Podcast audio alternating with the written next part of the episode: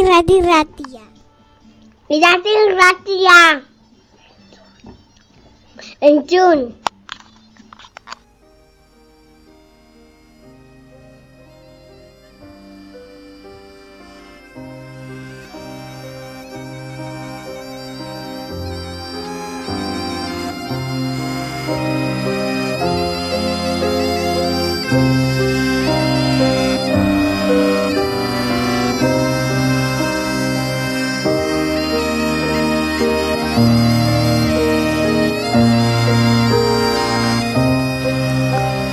Aezkoako mendietan, auina mendiren magalean, iratiko oianaren itzalean, bihotzaren erdian, euri, elur eta laino, laino guztien artean zegoen eta dago, bakardadean, isilean, lo, orbaiz. Irati irratian zen zaude, una zazpi, puntu zazpi, una zazpi, puntu bost, agoitzen bazaude. Zapena.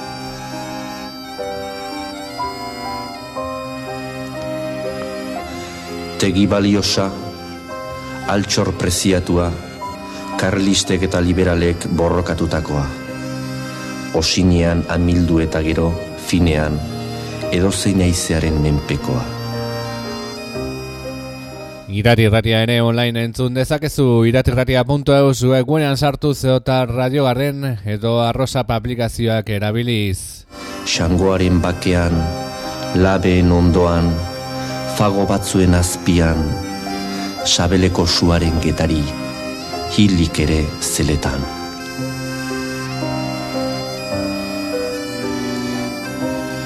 Horbaizetako hola, gure ame txarriztatua, gure itxaropen urtua, hor zaude, zuzara mendien erdian, euri, elur eta laino, gure aragi urratuaren ondar hil eta bizia, horbaizetako hola zahar eta berria, gure izatearen oroitarria. Gurekin harremanetan jartzeko bidetako bi Facebook eta Twitterren bidez.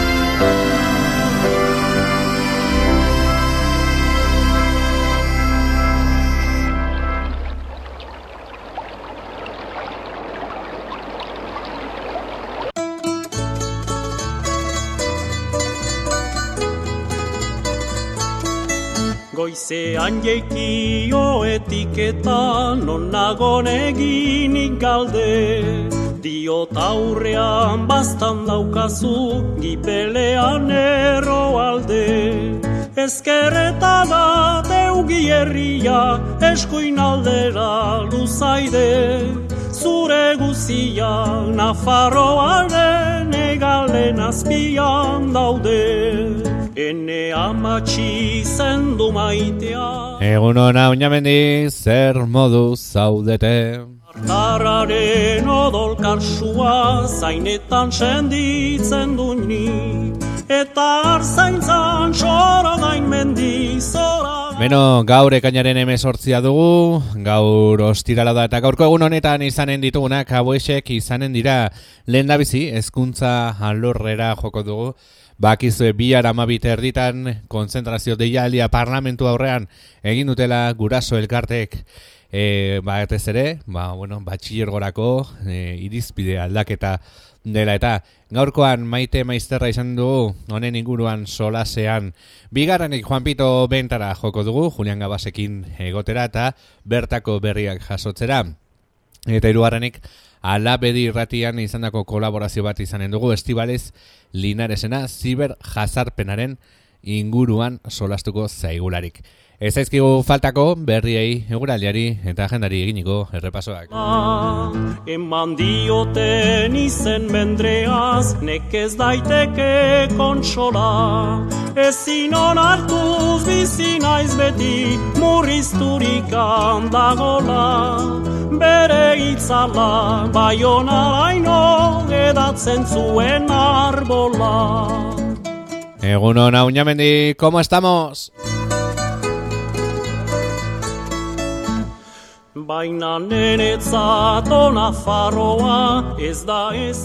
Bueno, hoy es eh, 18 de junio, en el día de hoy es viernes y tendremos con nosotros y nosotras las siguientes eh, invitadas, invitado. En primer lugar tendremos a Maite Maisterra para hablarnos eh, sobre la movilización que va a llevar, se va a llevar a cabo eh, mañana a las doce y media frente al Parlamento para denunciar el cambio de bueno de normativa en torno a la inscripción en el bachillerato que perjudica sobremanera al alumnado del Pirineo. Hablaremos con e-, de ello eh, con Maite Maisterra, el largo y tendido. En segundo lugar, nos iremos a visitar la venta Juan Pito para estar con nuestro compañero querido Julián Gabás a ver qué es lo que nos trae de ese lugar privilegiado.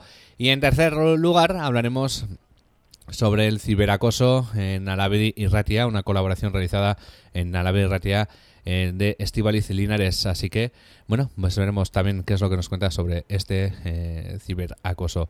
Y no faltarán a su cita los repasos diarios que hacemos a noticias, tiempo y agenda.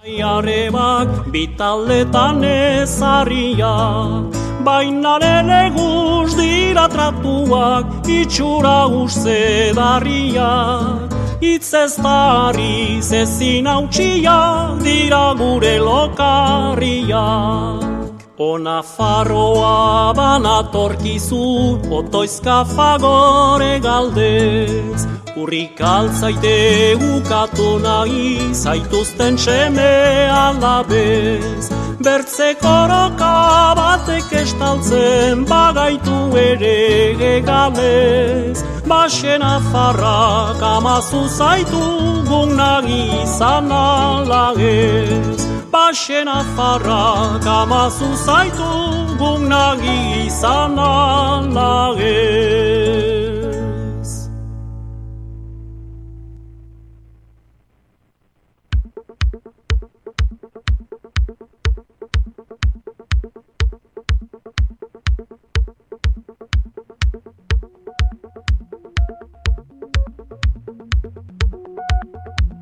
Berriak iratirratian.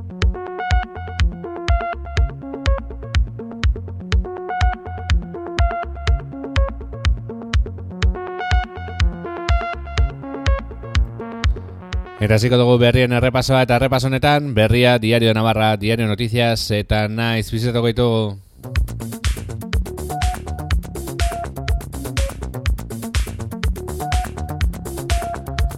Y comenzamos el repaso al kiosco de prensa y en este repaso visitamos las páginas de Berria, Diario Navarra, Diario Noticias y Nice.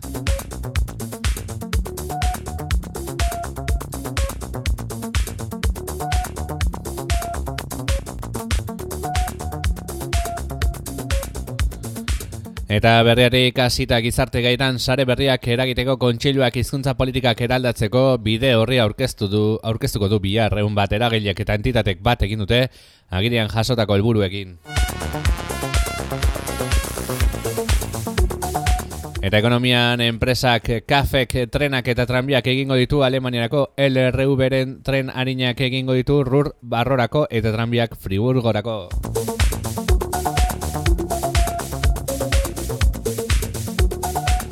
Gizarte gaietan kalte handiak eragin dituzte ekaitzek Euskal Herriko hainbat lekutan ebagoienan iruin herrian eta gaztizen hainbat kale eta lokal hartu diturak.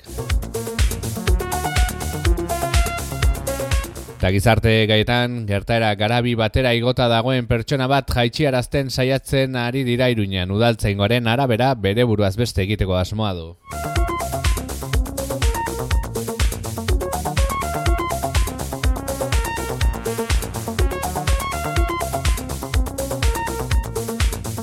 Eta munduan, e, e, bueno, Peruko Lourdes Contreras soziologo eta feminista elkarrizketatu du berriak Perun feministek Pedro Castillo utagaiaren alde bozkatu zuten.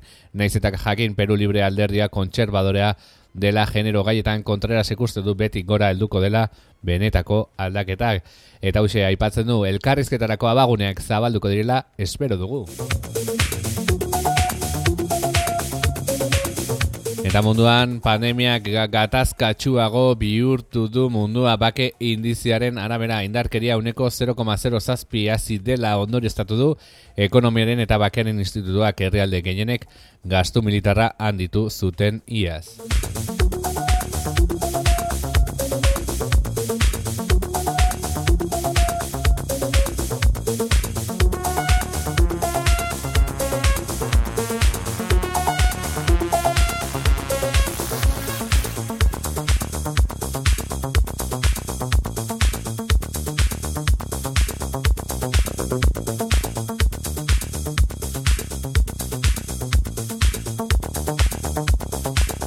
Eta gizarteketan txertatuek eta gaitza pasatu dutenek bidaiatzeko muga gutxiago izatea proposatu ECDC Europako zentroak iradokidu txertuaren pauta osatua dutenek edo azken eunda laro egunetan gaitza izan dutenek ez dutela zertan PCR probarik edo berrogei aldirik egin.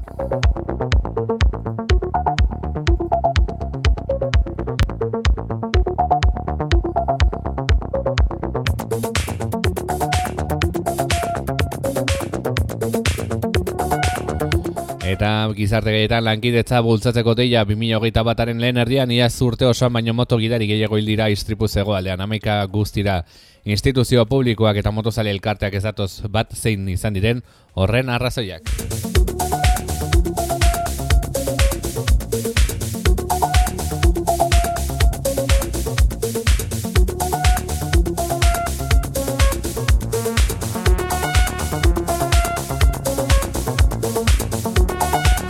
Eta Euskara etorkizunean azterketak Euskaraz pasatzeko bidea irekitzen lagundu nahi dugu desobedientzia ekintza bat egin dute Bernate Txepare Lizeoko ikaslean danak Euskaraz erantzun dute Baixoko filosofia azterketa Euskaraz ikasteko eskubidea aldarrikatzeko.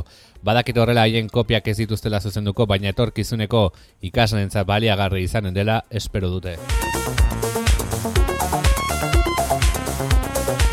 Eta gizarte gaetan ustelkeria ustelkeriaren kontrako bulego baten sorrerari uko egin diote Euskalderri jeltzaleak eta alderri sozialistak. EH Bilduk aurkezturiko lege proposamenaren aurka bozkatu dute lege biltzarreko osoko bilkuran kontrol organoak dagoeneko existitzen direla argudiatuta.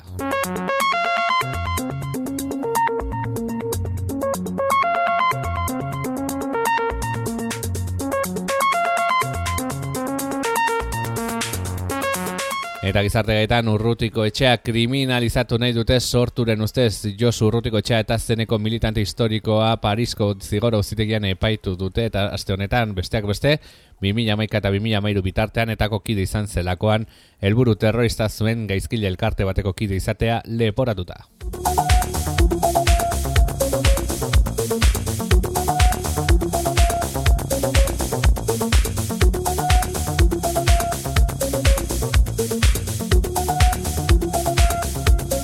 Ekonomia Mercedes gelditu egingo da datorren astean eta Volkswagenek bi egunez zirekiko du soilik gazteizko fabrikak azaldu du erdio eroalen mundu osoko hornidura faltaren ondorio dela Volkswagenek bos mila ibilgailu ditu aparkalekuan bukatu gabe.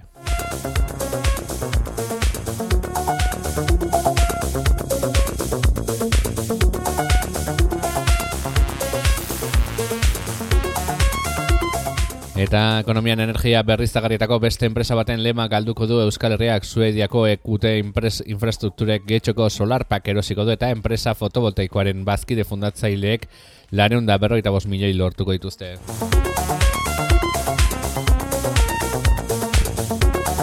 Eta berriaren errepaso amaituta diario de Navarra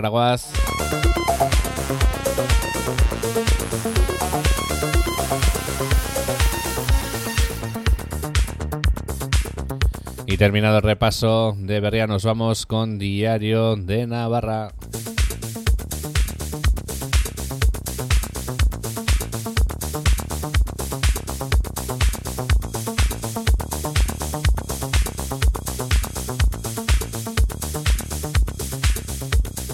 Y en Diario Navarra, casos de coronavirus, los contagios de COVID se mantienen por debajo del medio centenar. Los barrios de Pamplona, La Chante y Ermitagaña son los que más casos han registrado en la última jornada con 42 positivos. Y en educación, Irabia Izaga y Miravalles El Redín tendrán aulas mixtas. El objetivo es cumplir con la ley de educación a expensas de que se pronuncie el Tribunal Constitucional.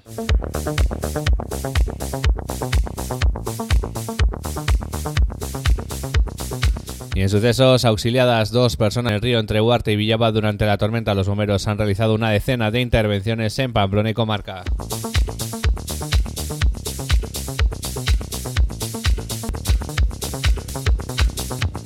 Y en el COVID este mes empezará a citar a la vacunación a la población de 39 a 30 años, así lo ha asegurado la presidenta Chivite, que ha insistido en que Navarra tendrá en agosto a más del 70% de la población vacunada.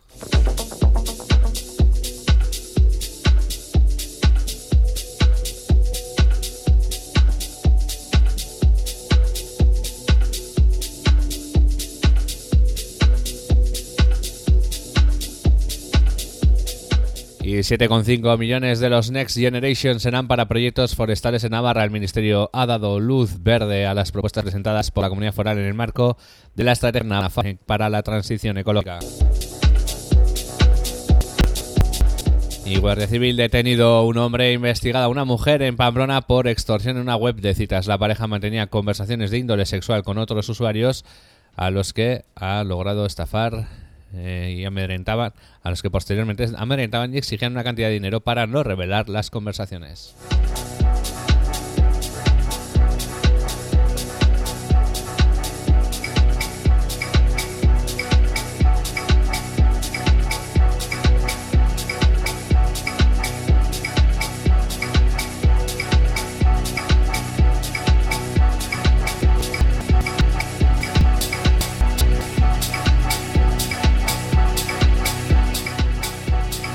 En deportes en fútbol, Osasuna y Liverpool planean un homenaje a Robinson en Anfield. El partido se jugaría el lunes 9 de agosto a las 19 horas si lo permite la situación sanitaria. Y en tráfico vuelven las pruebas masivas de alcohol y drogas tras el repunte de accidentes de tráfico. Preocupación policial ante el aumento de movilidad asociado al verano.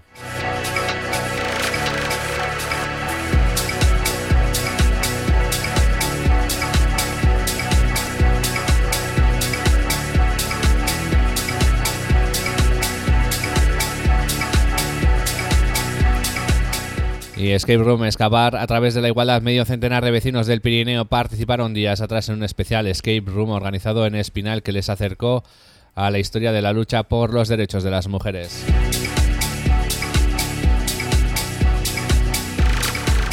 Eta maituta diario de Navarraren repasoa, noticias eraguaz. Terminado el repaso de Diario de Navarra, nos vamos con el Noticias.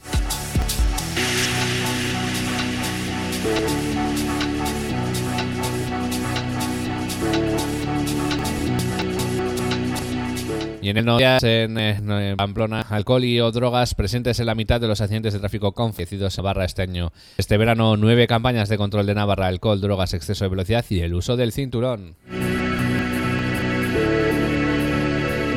Y en sociedad coronavirus en Navarra, hoy 42 nuevos casos el jueves y descenso semanal de positivos del 12,5%. Chantre, Ermitagaña y Burlada con cuatro contagios encabezaron el listado por municipios y zonas de salud.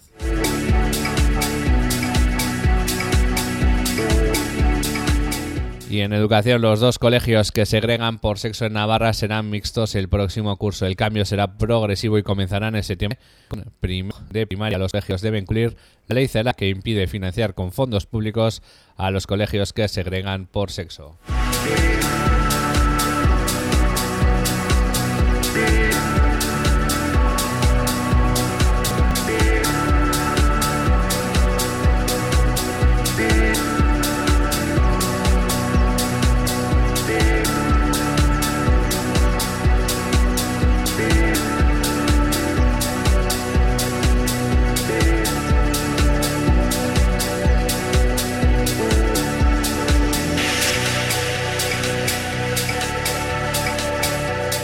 Y dispositivo policial para que una persona se baje de una grúa en Navas de Tolosa. La Policía Nacional se encarga de la negociación con la persona encaramada con el apoyo de agentes de la Policía Municipal de Pamplona, efectivos de bomberos de Navarra y profesionales del Departamento de Salud del Gobierno de Navarra. Y en fútbol, en revista Juan Carlos Urzúe, este viernes se cumple un año desde que el exfutbolista navarro anunciase que tenía esclerosis lateral amiotrófica y esto es lo que afirma me miro al espejo y pienso, ostras, qué deterioro, pero no me entristece.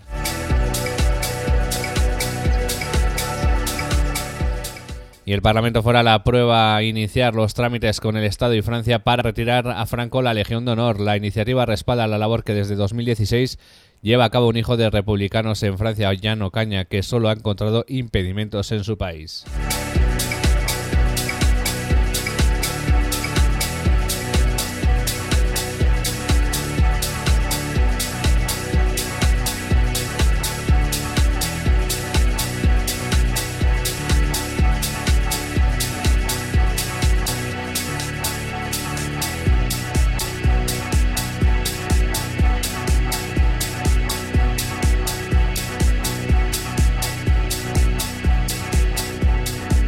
Y 4.391 opositores se examinan este fin de semana en Pamplona para optar a una de las 660 plazas.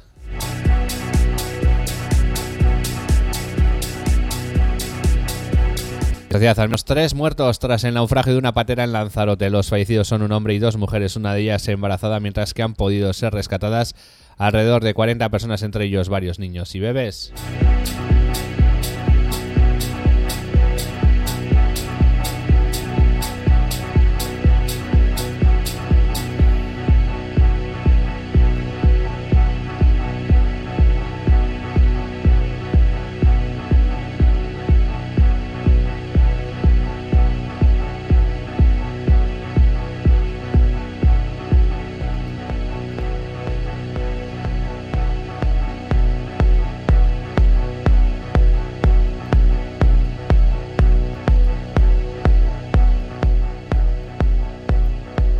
En ciencia y tecnología, el ruido, el ruido humano daña las praderas de Posidonia. Estas plantas marinas muestran lesiones graves y permanentes.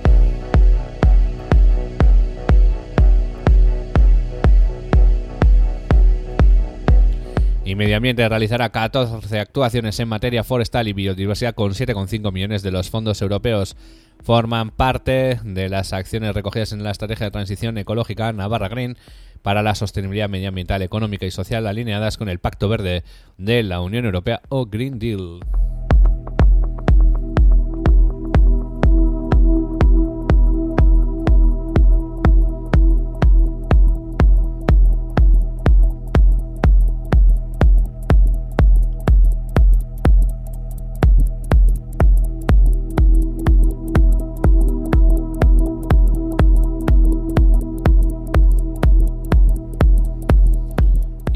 Tribunales, el juez del caso Kitchen imputa al ex jefe de la UDEF. Olivera habría intentado apartar a un inspector de la investigación de Gürtel. El juez del caso Kitchen, Manuel García Castellón, imputó ayer al ex jefe de la Unidad de Delincuencia Económica y Fiscal, José Luis Olivera, para que declare como investigado en relación al espionaje parapolicial que se había organizado desde el Ministerio del Interior contra el ex tesorero del Partido Popular, Luis Bárcenas.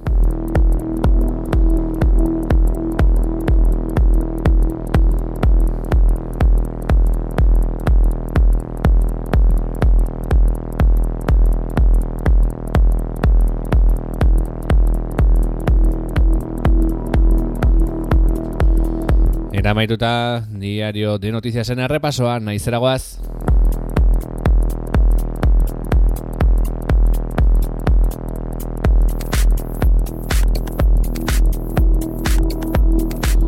Y terminado el repaso de diario de noticias, nos vamos eh, con Nice.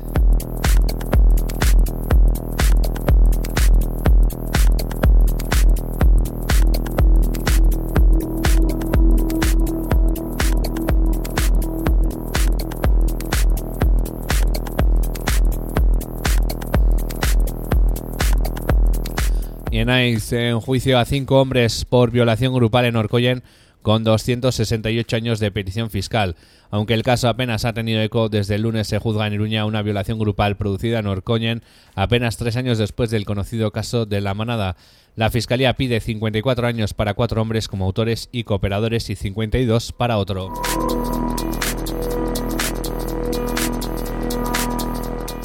Y la farmacontaminación, el otro gran efecto secundario. La UPV HU lanza para el próximo curso un posgrado sobre farmacontaminación, es decir, el estudio de cómo afecta el empleo masivo de medicamentos en el medio ambiente.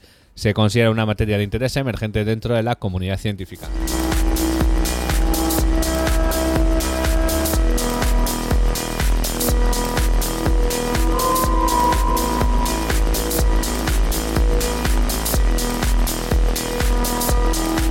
Y PNV y PSE no quieren ni oír hablar de una oficina independiente contra la corrupción. PNV y PSE han impedido siquiera debatir un proyecto de ley de creación de una oficina de buenas prácticas y contra la corrupción presentado por Euskal Herria Bildu que en la legislatura pasada tuvo su voto a favor. Aduce que ya hay otros organismos, pero hasta ahora no han detectado ningún caso.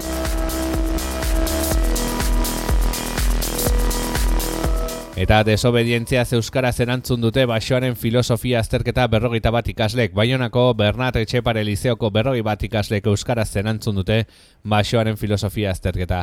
Onartu egiten dute haien azterketak ez dituztela zuzenduko, baina ekintza honekin, etorkizunean azterketak euskaraz pasatzeko bidea irekitzen lagundu nahi dute.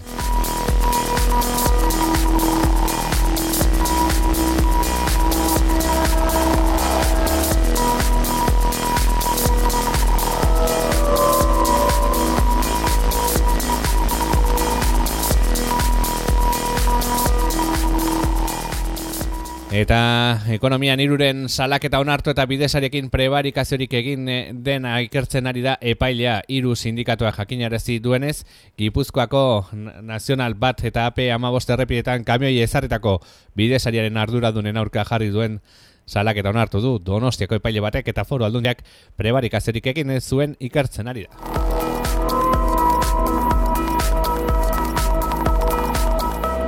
Y la síndica de Gasteiz denuncia ante el Pleno la discriminación de acceso a la vivienda. La síndica de Gasteiz, Leire Zuazuga, ha criticado la discriminación de acceso a la vivienda. Ha destacado que la ocupación de pisos en la avenida Olarizu ha puesto sobre la mesa que muchas personas no tienen capacidad para acceder a una vivienda.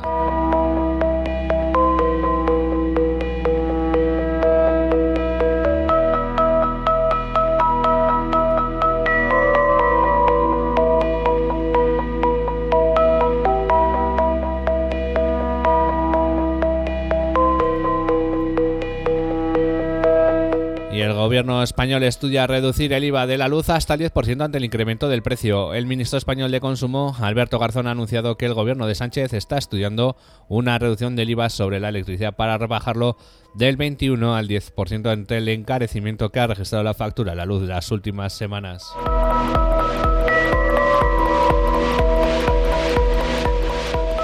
Eta pilotan arazorik gabeko material aukerak eta bat hasi da finalari kolore pixka bat ematen. Jokin altuna eta bainat rezusta oso gustura irten dira saskian aurkitutakoarekin eta iganeko partida jokatzeko irrikaz daude.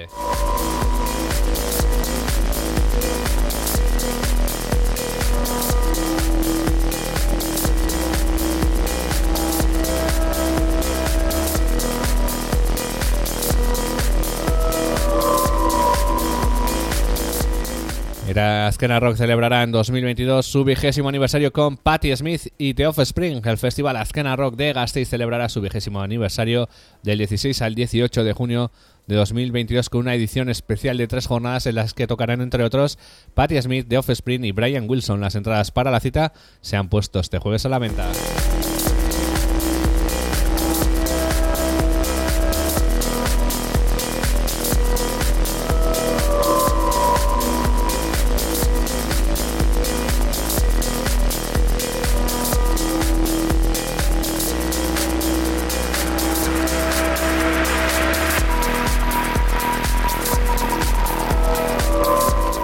El mundo del unionista, Paul Giman asume el, cargo de ministro principal del norte de Irlanda. Paul Giman ha asumido este jueves el cargo de ministro principal norirlandés, mientras que la republicana Michelle O'Neill ha sido confirmada como viceministra del Ejecutivo de Poder Compartido. Horas después, el líder de unionista del DUP, Edwin Putz, ha presentado su dimisión.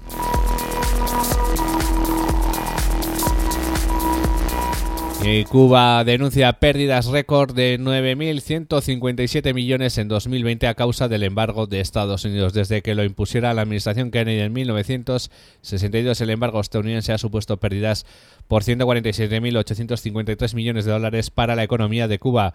Los daños humanos, sufrimientos y carencias provocados a las familias cubanas son incalculables, ha señalado el gobierno de La Habana.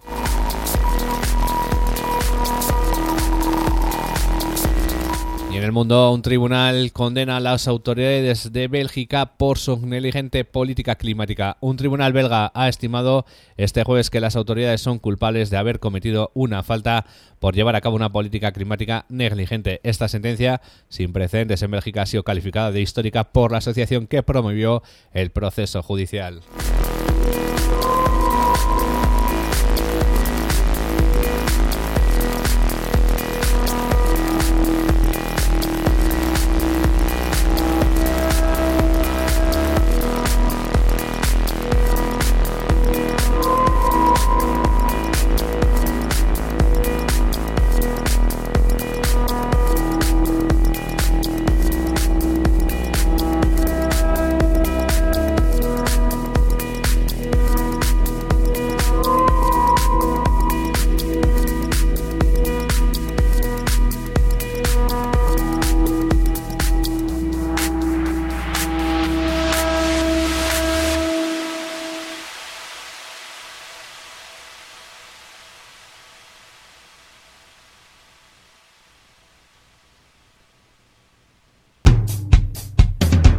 Reparazea Kooperatiba.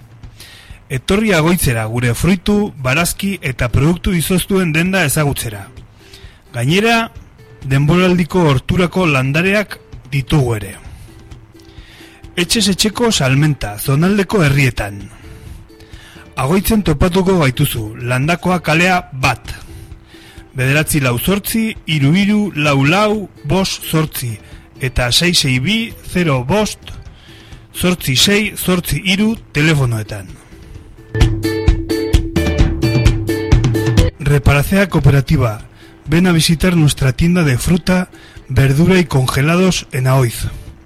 Además, disponemos de fruta y plantas de la huerta en temporada.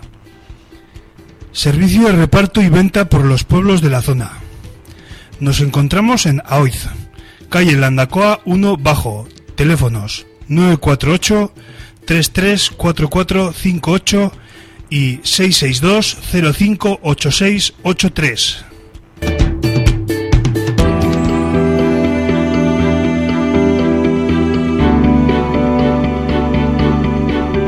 Irati irratian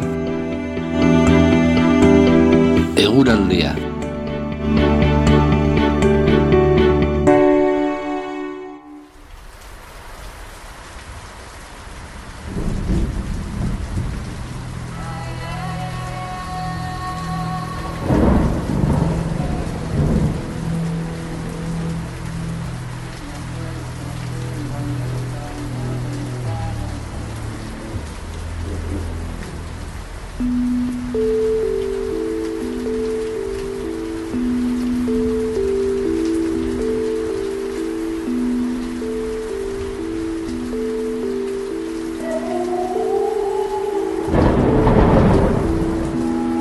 Eta guraldiaren berri jakiteko Euskal Metragoaz Euskal Metologia agentziara. Eta Euskal Mete gaurko hostila honetako zerua tarteka odeitxu egongo da arratsalean odeiak ugaritu egingo dira. Zaparra txiki ertainak botako ditu zemailekutan, turmoitxoak izan daitezketa txingorra bota dezake egunaren bigarren partean. Norabide aldakorreko aize haula ibiliko da, goizean eki osagaitik finkatuko delarik arratsalen egokiadekoan nagusituko delarik. Ekaitz guneetan aize bolada gogorrak edo oso gogorrak izan daitezke temperatura maksimoak nabarmen edo asko igoko dira. Eta bihar larun baterako zerua deitxu edo oso deitxu egongo da zaparra txiki ertainak botako ditu baliteke trumoitxoak izatea eta prezipitazioa iraunkorra izatea. Norabide aldakorreko aize aula ibiliko da. Ego osagaikoa nagusitu zarratxaldean ipar mendebaldera egingo du temperatura minimoa gutxi igoko dira eta maksimoek berdin jarraituko dute edo gutxi jeitsiko dira.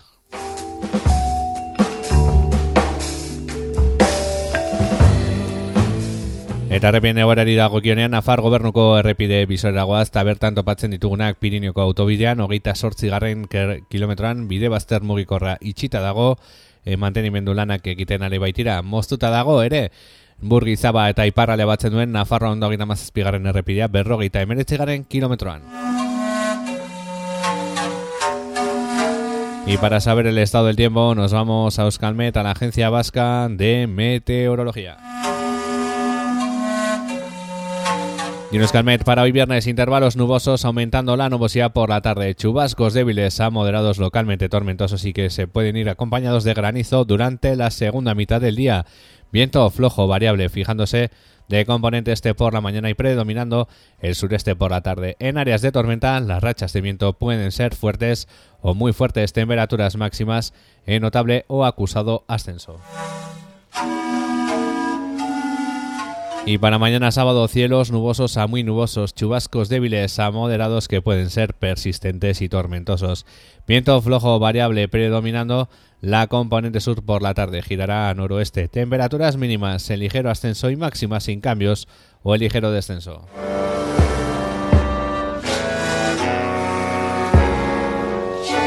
Y en lo que al estado de las carreteras se refiere, nos vamos al visor de incidencias del gobierno de Navarra y en él tenemos a comentar en la autovía del Pirineo punto kilométrico 28, corte de arce móvil por trabajos de mantenimiento.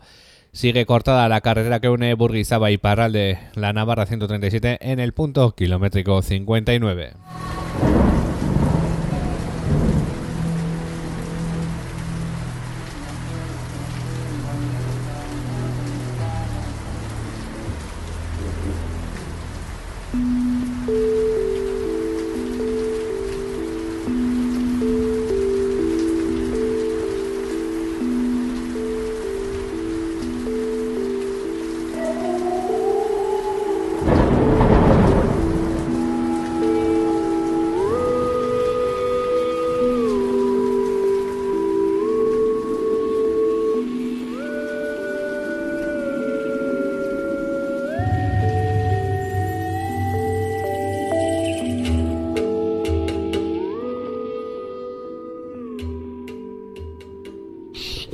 Irratia, Pirineoko irratia.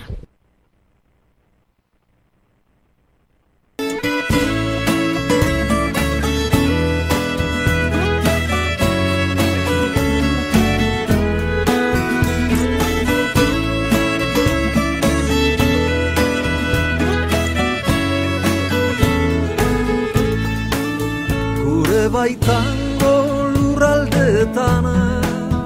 Non den denbora Non ez dagoen arnaz bideri Non ez goazen inora.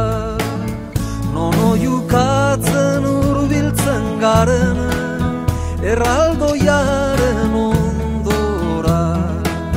Igo nazazu nire mendira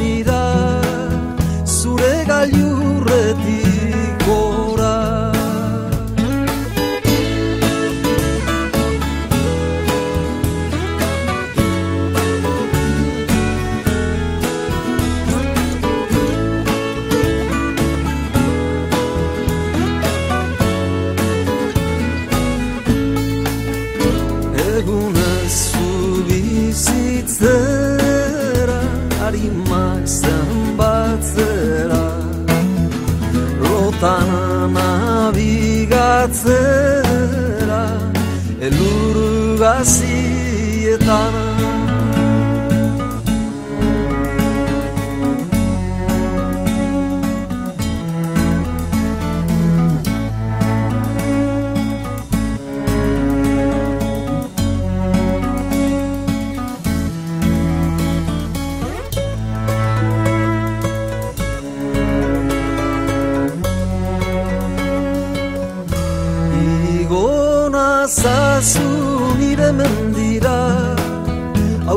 esadan bidea askatu nadin zure loturaz behar dezadan airea.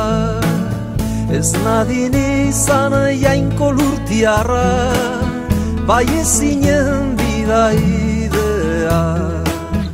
Igona zazu nire mendira zu ez baitzaran irea love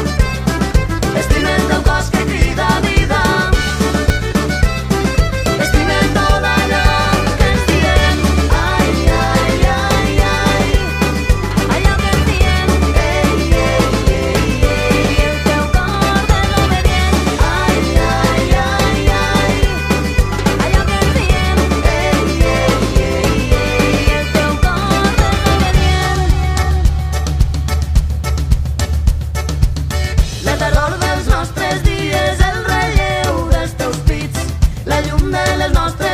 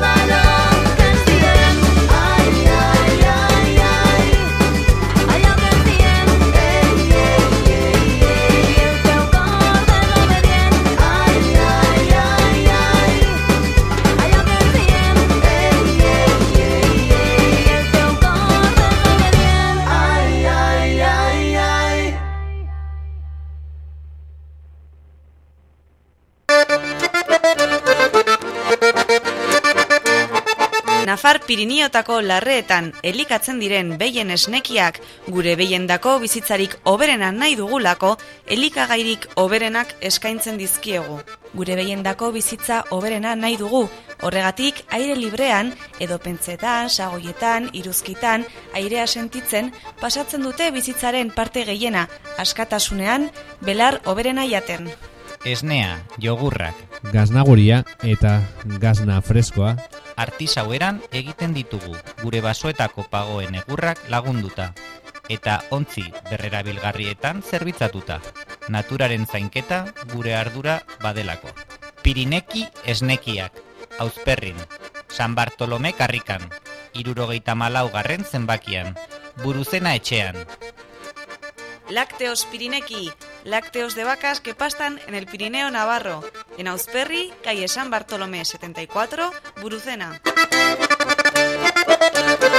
Y bueno, hoy nos eh, toca hablar eh, sobre educación, sobre una nueva, un nuevo modelo de actuación del Gobierno de Navarra respecto a educación y que afecta eh, principalmente a los alumnos y alumnas que van a hacer el bachillerato, a- en este caso a Iruña, ya que, bueno, pues eh, según un cambio normativo no pueden eh, elegir centro y eso, pues bueno, ha afectado en, su, en mayor manera en el funcionamiento normal de las familias del Pirineo. Por ello, han hecho un llamamiento desde las APIMAS del Pirineo a hacer una concentración este próximo sábado a las doce y media y para hablar de ello vamos eh, con eh, Maite Maisterra eh, de Garayoa para ver eh, qué es lo que nos contamos, a darle la bienvenida. Maite, Egunon, ¿qué tal estamos? Uno, Neneco, pues muy bien. ¿Y tú? Bueno, de ¿Cómo nuevo nos toca hablar de educación, de nuevo nos toca una queja más. eh, no sé este año qué pasa con, con educación, ¿no? Joder, no sé, no, no lo sé, pero... No lo sé, pero mira, yo te digo que yo como madre que... O sea, tenemos una chiquita que empezamos en la escuela hace dos años, ya, o sea, para mí estos dos últimos años, eh, si me preguntan, ¿qué tal? ¿Qué tal con el, con el Departamento de Educación? Digo, pues mal, Mal porque, mal porque cada año nos toca pelear porque no nos quiten un derecho que ya teníamos. Que es que es muy fuerte, que no estamos pidiendo que nos den nada que no, que no teníamos ya. Estamos pidiendo que no nos quiten, que es muy fuerte, porque luego todos vienen a nuestros preciosos valles a sacarse la foto antidespoblación. Ujú. Pero es que esto no funciona así. Y luego, bueno, eh, cuéntanos un poco cuál es este cambio normativo que afecta ahora al alumnado del Pirineo, que hasta ahora, pues bueno, se podía haber llevado normalmente y parece ser que, que bueno, pues no, ahora no puede ser. No sé, ¿cuál es ese cambio? Sí.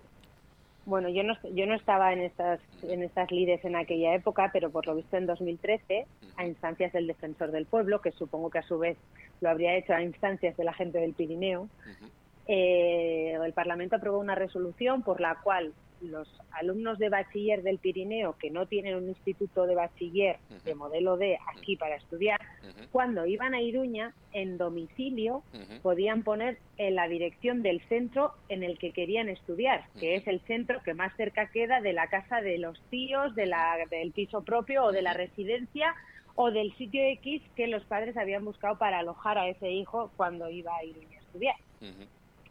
Entonces, de esa manera, el alumno tenía derecho a ese centro más cercano del sitio en el que iba a vivir sin tener que empadronarse en Iruña. Porque, como todos sabemos, la solución, una solución sería coges a tu hijo, lo empadronas en el lugar donde va a vivir el curso siguiente, pero entonces son nuestros pueblos los que pierde- pierden empadronados, con todo lo que ello conlleva. Entonces, esta solución permitía que nuestros hijos tuvieran acceso al centro más cercano sin perder empadronamiento. Aquí, sin que se tuvieran que empadronar en Irún. Y así hemos estado desde 2013 hasta ahora, que ha aprobado una nueva orden el Gobierno de Educación y esta parte la ha omitido.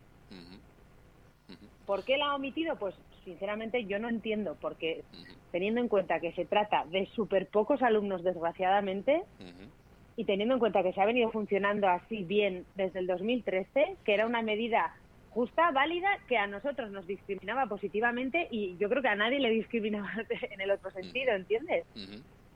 Así que no, no sabemos por qué. No sabemos por qué. Bueno, como hemos dicho, bueno. el nuevo cambio ahora, eh, además, eh, creo que bueno no da opción a, a lo que es eh, elegir centro, ya que bueno estipula como centro referencial eh, el Unate de la Chantrea, cuando eso puede conllevar eh, a que bueno pues gente que tenga pisos o bueno o familiares igual en pues digamos en Barañain eh, tenga que cubrir un- además un gasto extra de, de desplazamiento, ¿no? Claro, es que eh, dices, ¿qué sentido, ¿qué sentido tiene? Y, y sobre todo, imagínate para los alumnos que ya, que ya se han matriculado para el año que viene. Porque el tema de los alumnos de este año que viene, la matrícula está sin cerrar todavía. O sea, todavía no han salido listas de admitidos y tal. Entonces, y bueno, cuando vino el consejero y salió en el periódico que sus quejas, eh, que creía, que él consideraba que nuestras quejas eran precipitadas porque las matrículas estaban sin cerrar, yo sinceramente, Nico, tengo fe en que lo de este año se va a solucionar. Pero ostras, un poco, un poco más de seriedad. Tú no les puedes decir a los padres de este año que no se preocupen, que estén tranquilos, que no, que son los dos próximos años de bachiller de sus hijos. Claro. Y que la matrícula está todavía abierta, pero tú no le puedes decir a la gente que se está quejando precipitadamente porque todavía no. Tú tienes que dar una solución ya para los que están haciendo las cosas ahora.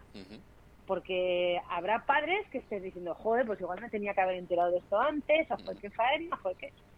Porque no solamente es el centro más cercano donde estudian los alumnos, a su vez es las relaciones sociales que van a hacer esos alumnos que van a estar más lejos o más cerca de donde él va a estar viviendo.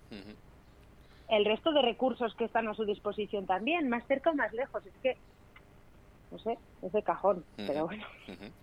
Así es, es de cajón y bueno, pues eh, la verdad que es de, es de sentido común, sí, no, hay- no hay otras, es que al final eh, si apoyas... Y que estamos hablando en ECO de que 20, 30 alumnos, habrá años que habrán sido incluso menos, desgraciadamente. Sí, Ostras, por favor, es que no, no creo que le cueste tanto a la administración seguir funcionando como hasta ahora.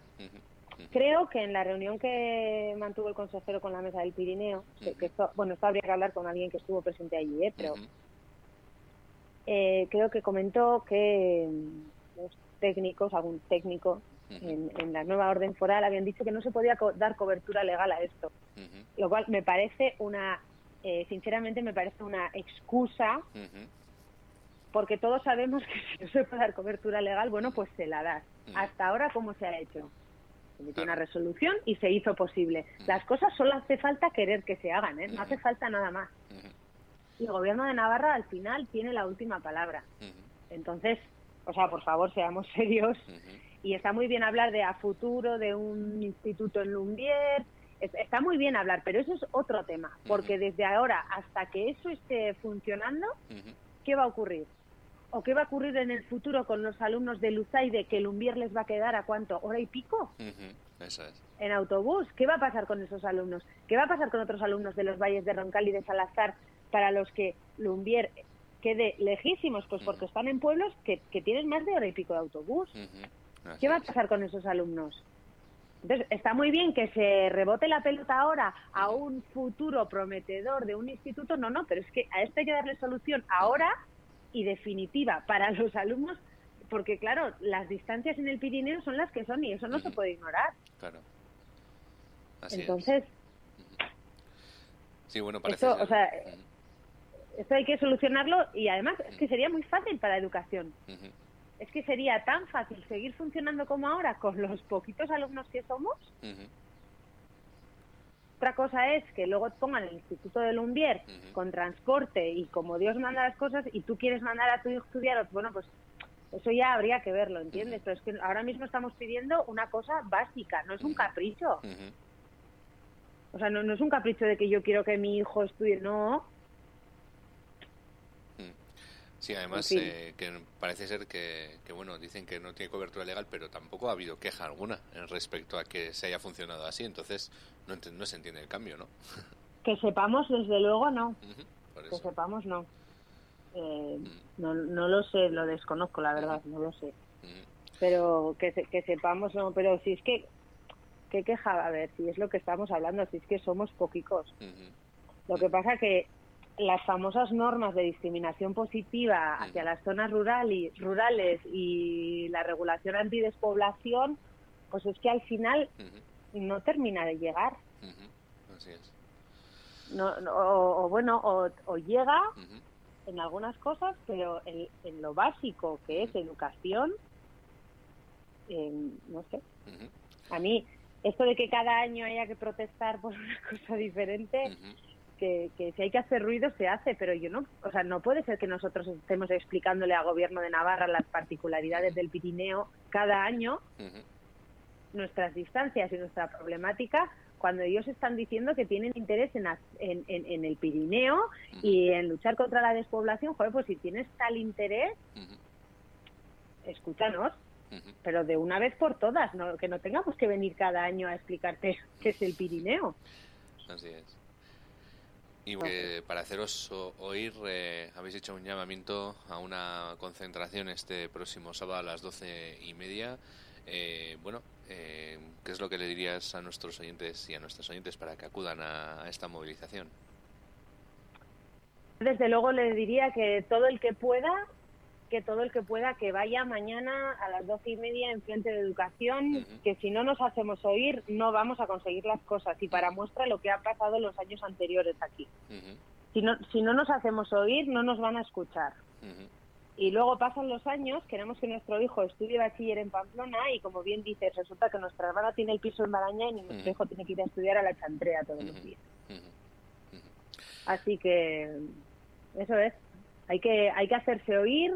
Tenemos que tenemos que dar un- una pa- patada en el suelo o golpe en la mesa o estas famosas palabras redundantes que se dicen para para hacernos oír, que nos escuchen y que se nos entienda. Y esto a la gente del Pirineo, la gente del Pirineo, si no nos movemos nosotros, na- nadie va a pelear nada por nosotros. Esto, esto está clarísimo. Y a la gente que esté en Iruña y que le apetezca que le apetezca solidarizarse con nosotros y acudir, pues será, vamos, más que bienvenida.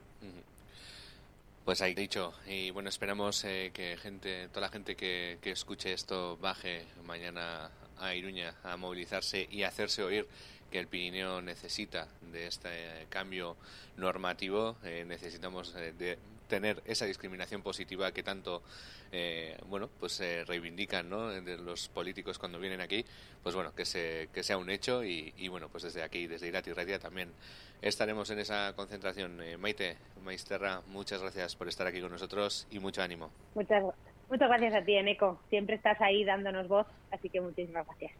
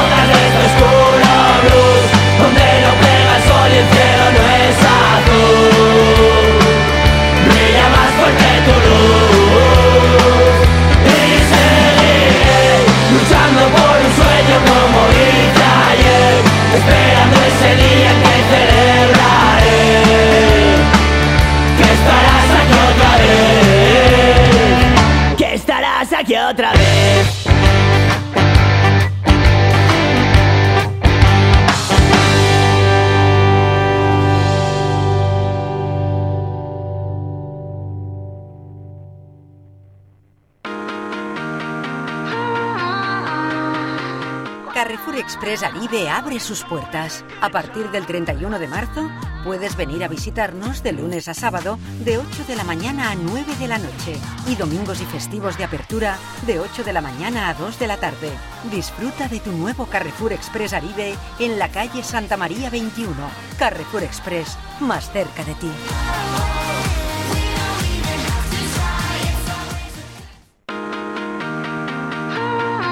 Adi Carrefour Express ari beren irekiera berriari.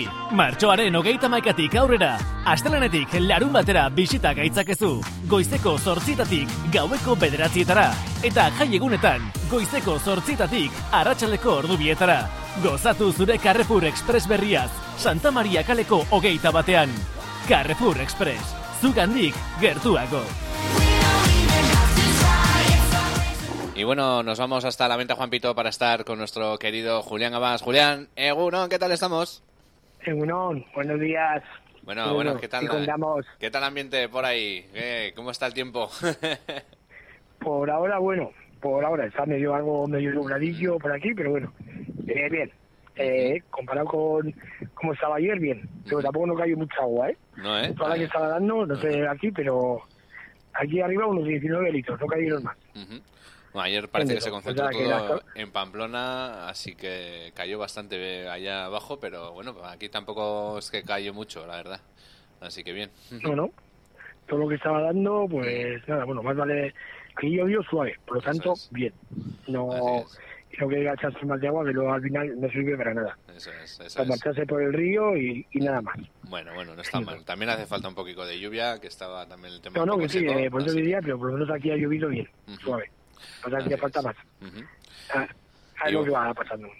Y bueno, Julián, eh, siempre te preguntamos a ver qué, qué es lo que hay organizado para este fin de semana allá por Roncal. ¿Qué tenemos eh, organizado? Eh, este fin de semana en principio está tranquilo. El que viene sí que hay concierto a las 12 del mediodía en, en Roncal, de Julián Gallarre, homenaje a Julián Gallarre, eh, creo que es eh, el sábado o el domingo.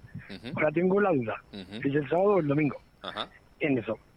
Eh, pero lo demás está todo, sigue estando tranquilico. Eso, el 27 de junio, sí, a las 12 del mediodía, El domingo. eh, concierto de ópe- ópera y primavera, Ah, algo así. Muy bien. Es el título. Con el que se quiera acercar a Roncal el 27, a las 12 del mediodía, que se venga. En eso. Y lo demás, pues ya tío, todo tranquilo por ahora. Y bueno, esperamos también que, que el ¿Eh? tema de la OSA siga tranquilo. Ah, sigue igual, es, eh, no hay noticias Igual. de ella. Bueno, está muy bien. Eso. Mientras no haya noticias, bueno, ya en los periódicos sí no aparece nada, pero bueno, los de aquí, los de los pueblos sí, los enteramos enseguida y por ahora está todo calladico. En eso. O Pues sea, que- que siga. Pues que así siga, que así siga, eso es lo, lo importante. Y, y bueno, esperemos que, que no ocurra nada, eh, no, no seamos agoreros. Pues eh, Julián, no te entretenemos más, que ya nos has dicho que tienes clientela almorzando, que, que les aproveche aquí, desde aquí, desde Irati Ratia. Nada, Y, y Están nada, tranquilos. Pues eh, muchas gracias Julián por estar aquí con nosotros y nosotras y nos, nos escuchamos esta, la semana que viene ah, dentro de dos, ¿vale? Un abrazo Vale, y a cuidarse. pues a pasarlo bien todos, ¿vale?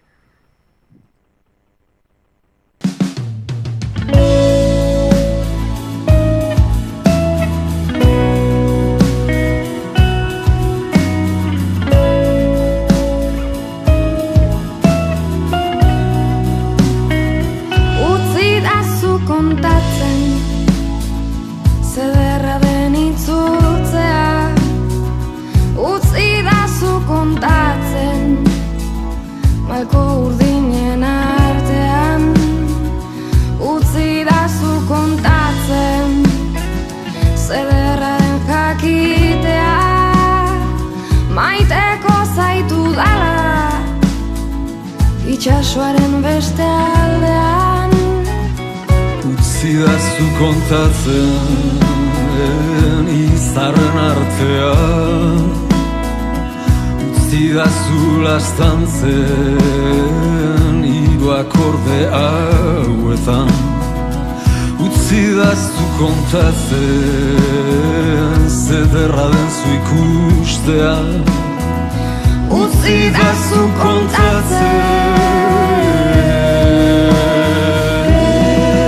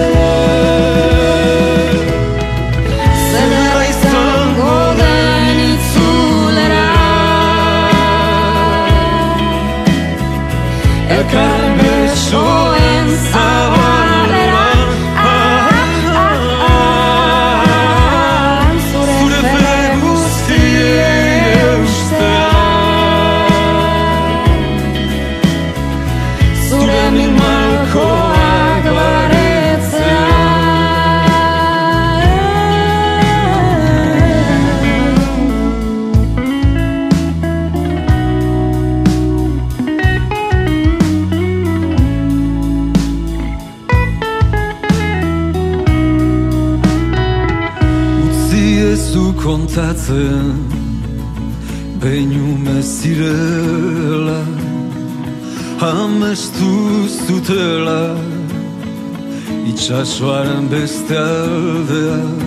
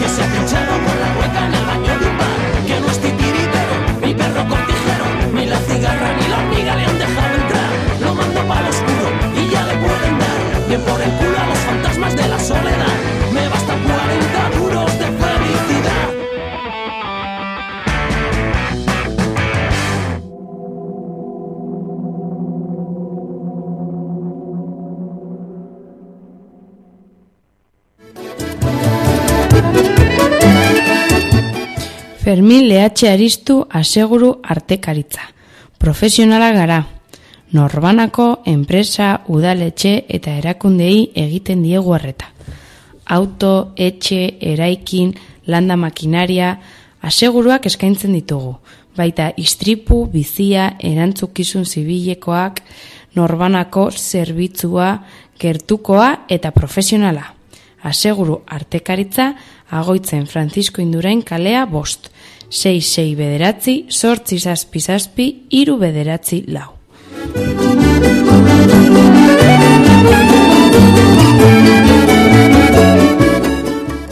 Correduría de Seguros Fermín Leache Aristu.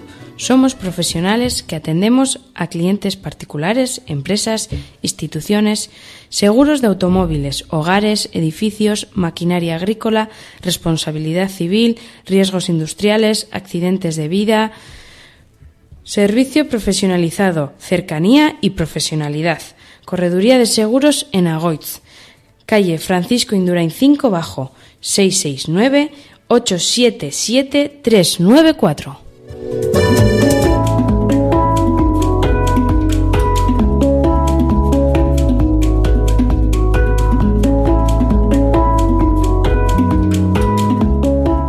Ziber jazarpenari buruz hitz egingo dugu jarraian eta horretarako Estibaliz Linares Deustuko Unibertsitateko irakasle eta ikerlaria gonbidatu dugu. Beraz ziber indarkeria edo mundu digi- digitalean ematen den indarkeria matxistaren prebentzioan lanean baitabil. Eta horretaz hitz egingo dugu telefonan daukagu jadanik. Egunon Estibaliz Egunon, Egunon, ia ba, erpin asko dauzka kontua, saiatuko gara pixkatxo bat ere aztertzen kontu guztia, baino izenarekin ere, abiatu nahi nuen irakurri dugulako beste elkarrizketaren batean, banola izen asko eukitzen dituen ere mundu digitaleko indarkeria. Honek, sexting, sextortxio edorla, zuk, zuk ziber jazarpena deitu nahi izaten diozu, zergatik? Bai, e, a ber, ipini ditugu mila izen, ez da, eta gainera mila izen horiek e, ingelesetik dator. Ondo dau, ez da, zenetako horrela egiten duena da ikustera, ikustera ematen dugu, zer gertatzen ari den, badauzela, dakita arazo batzuk, baina beti ere, daukagula bai gaztelanez eta baita ere euskeraz daukagu hitz propioak, ez da. Eta hitz propioak erabiltzea ekartzen duena da, gogoraztea zergaitik gertatzen den, eta eta ipintzea zain den espilua, ez da. E, ez da berdin, adibidez, sextingei buruz eh, hitz egitea, eta guk esatea hori da violentzia matista. Horrek egiten duena da, izen propio erabiltzea, jakitea non diktatorren eta beti ere ikustea zer dagoen atzean, eta hori da, o, garrantzitsua da, azten, eta ez badugu ez daten zer gertatzen, eh? edo ez badugu e, ez da deitzen, ez da, badirudi ez dela existitzen, eta hortatik garrantzitsua da izen propioak erabiltzea eta gainera delkogunak. Eta edo niri baita ere gertatzen zaizkit, ez da, azten gara gezi, festing, grooming, sextorsion, e, jo, egon naiz beste, beste, ez da, ikerketa batzuk e, e, irakurtzen, ez da, perdon, e, porn revenge, eta bestalako izenak, ostras. Azkenean, e, mila izenak e, ateratzen ditugu, baina esaten badugu edo hitz egiten badugu ziberjazarpenari buruz edo ziberjazarpen dantzistari buruz, denok dakigu zeri buruz hitz egiten ari garen, non diktatorren eta hortatik baita ere izen propioak erabiltzen ditugu eta horrela mugimendu feministak baita ere egin duen, ez da, e, egin dituen erronkak, egin dituen e, pues, e, borrokak, baita ere hor ipintzen dugu gainean, eta hortarako dauz, eta da, beti, pues, errebindikazio modun, dazkagun e, izenak beri, erabiltzea eta gainera, uste dut, asko, asko esberenzagoa dela, ziberjazarpenari buruz hitz egitea, aztea hitz egiten beste hizkuntzei eta hitzei buruz. Mhm. Bueno, ba, orduan daukan izenarekin eta hemen ulertzeko hemen ere izana badaukalako ziberjazarpena dituko diogu eta lehenengo galdera edo galdetuko dizut, eh, eskatuko dizut azaltzeko pixkatxo bat zein den gaur egun ziberjazarpenaren errealitatea. Eh, a ver, realitatean lehen baizik oso oso oso anitza dira, ezta? E, badau ziberjazarpen mota oso oso desberdinak. Eta hori da lehenengo gauza ikusterazto ikusterazto egin bar duguna. Gainera, ziberjazarpenari buruz hitz egiten dugunean elkargurutze egin bar ditugu beste diskriminazio askoa da.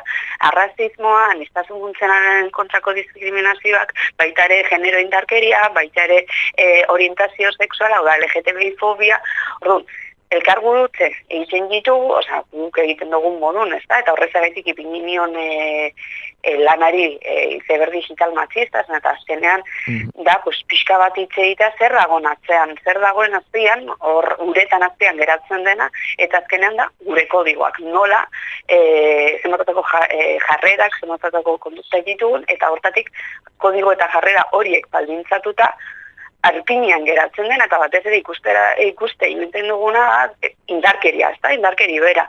Baina horrek ez du esan nahi indarkeria, zerreik dago indarkeria, zen, eta lehenetik badauz jarrerak, kodigoak horrek baldintzatzen duena, eta hori eragiten duena, ez da.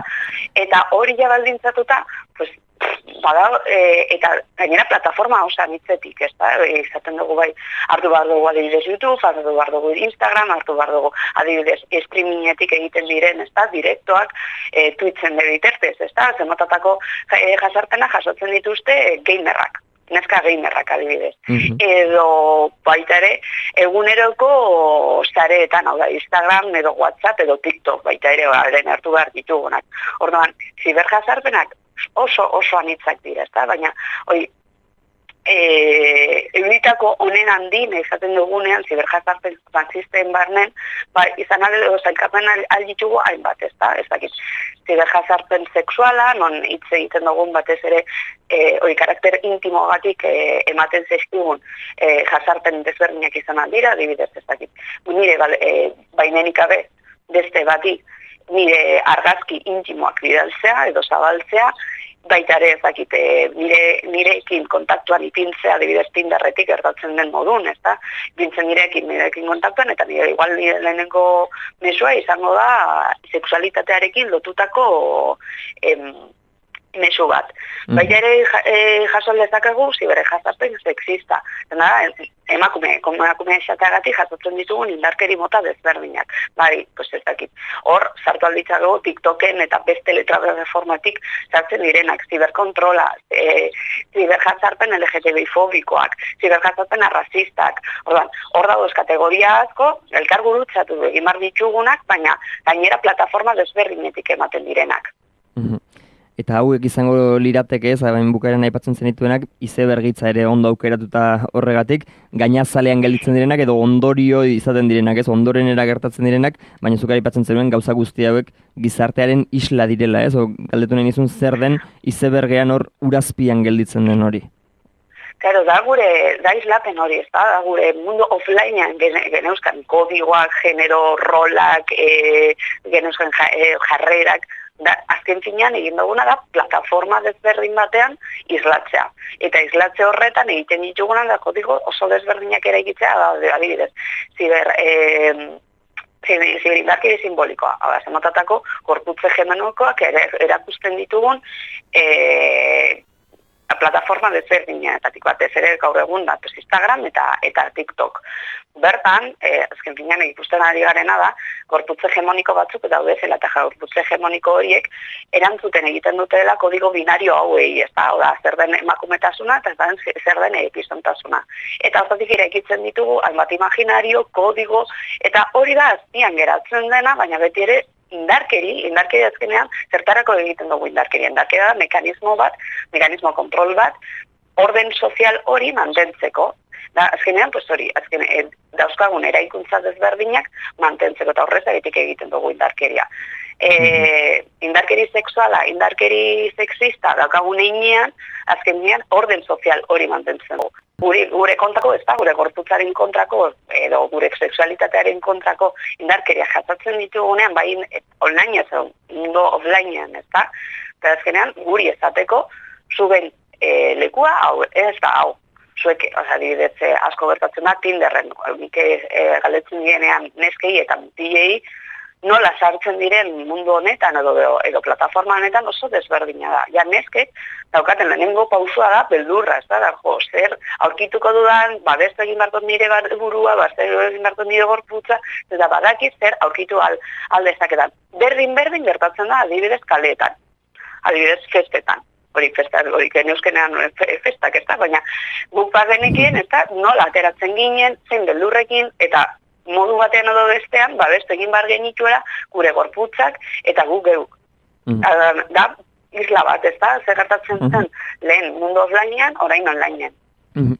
Eta hori ez, ja, beste lehenago ere existitzen ziren jazarpen horiek, galdetu nahi nizun orain, ba, lehenago baz, baldin bat zeuden ere, orain ze aldaketa ematen den, ba, beste plataforma digital hauekin, ze hola, asko jakin gabe iruditzen zait, kasi errazagoa izan, izan daitekeela internet bidez jazarpen hori egite, eta gero jazarpen hori daukaten edapena eta iraunkortasuna ere agian ezberdina da handiagoa izango da, ez?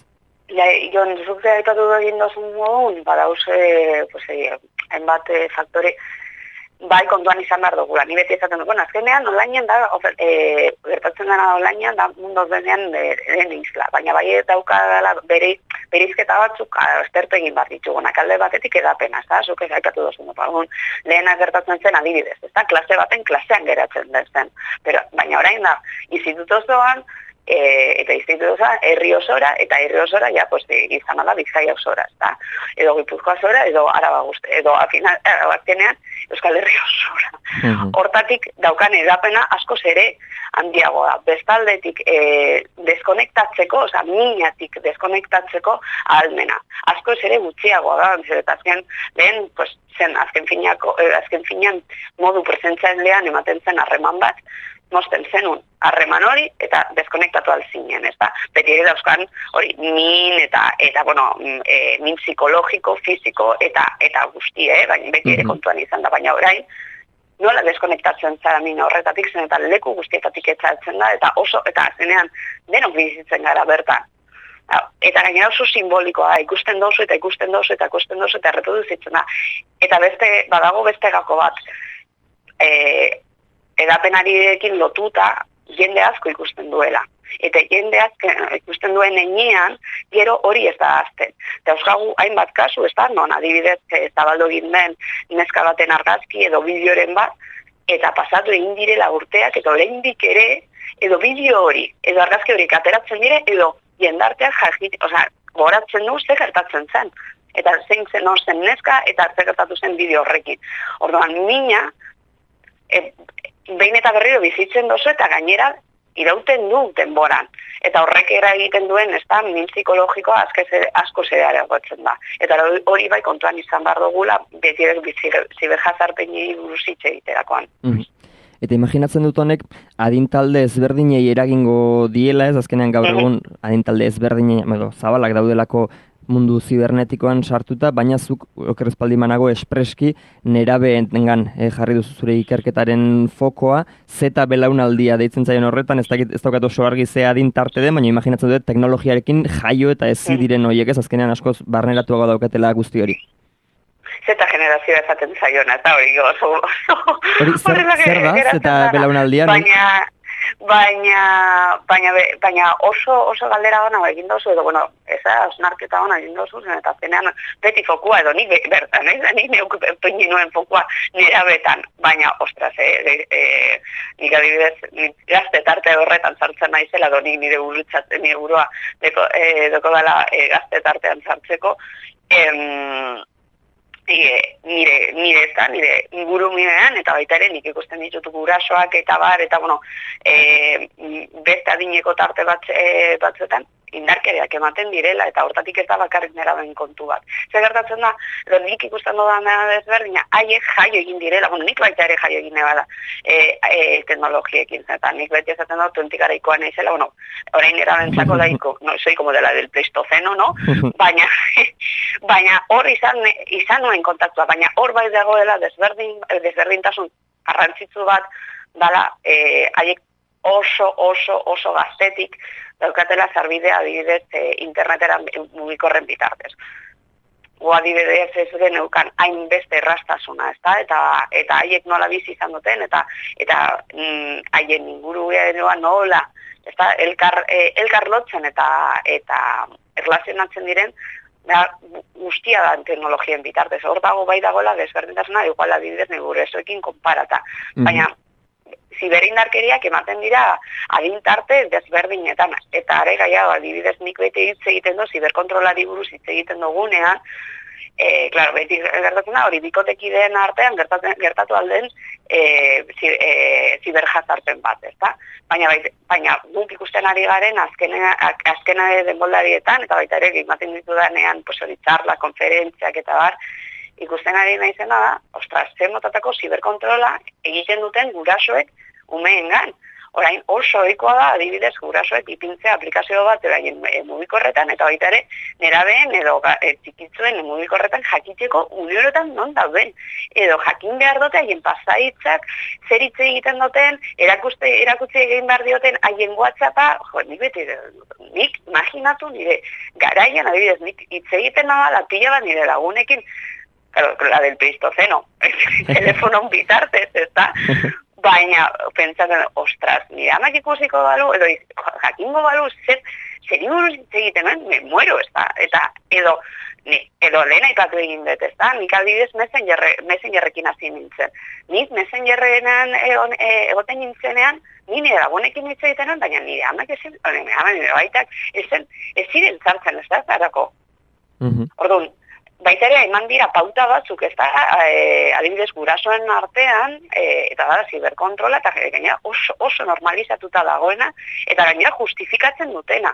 Eta, eta gara, justifikazioa zera jo, da, modu batean nire umea, ez da, e, pues, babesteko, e, maite diodalako, eta nik beti ezaten diet, begira, zer, motatako mesoak bidaltzen diegun. Hau da, nik kontrolatzen zaitut, maite zaitu dalako eta babez egin nahi zaitu dalako. Gero, hori praktikan ipintzea eta gure erlazioak egiteko Claro, gero ikusten ari gara, zen motatako arazoak gertatzen ari den, eh, diren ez bakarrik bikoteikideen artean, baizik eta ez da lagunen artean, eta bestelako erlazioen artean. Mhm. Hor, e, hor estializ, nahi nizun ere, nerabe eta besteen arteko ezberdintasun honetan, ez dakit ere zuzena izango den, baina naiz eta aipatzen zenuen ez, ba, beste jende helduagoaren artean ere ematen direla horrelako jazarpenak, horrelako e, kritikagarria diren zen jarrera asko egongo dira seguraski eta min asko sortzen dutenak, baina ez dakit ematen dit impresioa, ba, jende helduagoak badaukala gehiago sentsazioa, hortik kanpo edo mundu digitaletik kanpo ere badagoela mundua badagoela bizitza eta ea ez diren ba nerabe edo zeta belaunaldiko hauek gehiago sartu nola bertan hasi diren eta horrek bai ba, Instagramen argazkia jartzen filtroak erabiltzen ez dakiz zer guzti honek eta beste kan, kanpokoek mundu digitaletik egiten dizuten onarpenak auto, zure autoestiman daukan pixua ea ez den oraindik handiagoa izango edo ahulagoa zentzu horretan. E, nik uste dut aldez aurretik zeberen arteri simboliko horrek, hau da, nola erakutsi du gure gorputz, ez da bakarrik gure gorputza, gure jarrera, ego itxurak, uste denok zarte egin da e, e, dugola bertan, ez da, adibidez, igual, e, adintarte batean, igual, gehiago Facebooken, e, Instagramean baino, baina denok nahi dugu argazki bat, denok nahi dugu e, konkretuki argazki bat, leku konkretu baten, orduan, horrek implikazio bateko eta eta denok eta adintarte guztietan gustatzen zaigu e, bestei gustatzea. Eta hori da, eta gainera zer deko plataforma, o, no, plataforma hauek zer dituzte, azkenean, daukatela, em, e, ez dakit, botoi konkretu bat, non ikusten dozu zenbat pertsonei gustatzen zai, e, zenbat pertso, e, per- pertsonek ematen e, duten gustatzen zaizuela ze- argazkia edo zuri, ez da? eta horrek valorazio bateko eta autismo bat. Zer non dago, de, ez da hainbeste, ez da, benaldi, hau da, zeta benaldia izateagatik, baizik eta nerabea izateagatik. Zen eta nerabeen e, adintarte horretan edo etapa horretan, batez ere egiten ari garena da, gure identitatea eraik, eraikitzea, gu geuki bilatzea, eta gu geu bilatze horretan bilatzen dugu beste onera karpena, ez da? Beste on, oza, bestek gustatzea, zer baloratzen duten nigaz, eta hortatik hori, zer ematen digun plataforma hori, pues bai, da, da espazio bat eta gune bat, e, no, gero nola eraikitzen dugun gure identitateak eta hori baloratzeko, que ostras, eh? bai, eragiten duela, eta batez ere neskoi, ez da, beti hori klaseetan eta lehen aipatu dugu ez da, eta ematen ditu dela honi buruz, konkretuki gai hau e, tratatzen dugunean eta honi buruz hitz egiten dugunean, bueno, klase, osea, nesken, e, osea, klaseko neska ia gehienek azten dira negarrezen eta antxietatea dekotelako eta ez, daude, e, ez, ez dutelako haien gorputza maite eta oso oso e, modu zaurgarrian eraikitzen ari dira haien identitatea eta horrek eraikit, e, horrek implika, zinguetatako implikazio deko indarkeri oso sakona eta da gu gure buruarekiko egiten eta eragiten diogun era, e, indarkeria da gure gorputzak ez maitatzea. Eta gu ez dolaratzea eta ez dago indarkerik sakonenik hori baino. Eta hori superestrukturala da. Eta oso txikitatik jasotzen ari dira eta horrekin bizitzen ari dira. Baina zer deko baita ere ona interneta dauzkatela bestelako alternatibak adibidez bestelako gorputzak, orain TikToken bitartez, Instagramen bitartez, jo, badauz horrela como oleada asko eta badauz mugimendu asko, adibidez, kurbi gerl ezaten direnak, edo body positive, edo bestelako gorputzak ere akusten dituztenak, eta horrek baita ere erakina daiko, da, daukate, como bi ale horiek, bai alde batetik, pues, berriz, ezta, jasotzea mezu berdina, eta baina beste aldetik oso irreivindikatiboak direnak, eta eta transformatzaileak direnak. Mhm. Eta ze argi ikusten denez, lehenago esaten zenuena gizartearen islada izatearen hori be, lehenagotik dauden e, jazarpen horiek edo indarkeria horiek hartzen duten forma berria izango litzatekela kasu honetan. Eta elkarrizketa bukatzen joan behar dugu, pena bada asko hitz egin genezakelako oraindik ere honen inguruan, baina amaitzeko pixkatxoa galdetu nahi nizun ere, nola aurre egin honi edo nola landu gauzabek zugere prebentzioa lantzen duzun puntutik ze tresna eman daitezke, bai nera bentzako eta bai beste guztiontzako balioko digutenak honen aurrean. Aldez aurretik beste guztientzako, hasi gara, hasiko gara, da, hasi naiz beste guztientzako zen, eta beti azten gara, ez da, e, nerabekin eta eta badauz ez da, diskurtso eta narratiba asko, lan egin behar duguna, baina gurasoekin lan egin behar ditugunak, edo irakasleekin zen, eta adibidez, e, lehen aipatu egin dut, gau- gauza oso strukturala da. Badauze hor interes oso kapitalizak eta oso lokorrak direnak eta horrekiko horrok egitea da como ezinezko, ez dakit, no? nola, nola borrokako egingo dugu, ez dakit.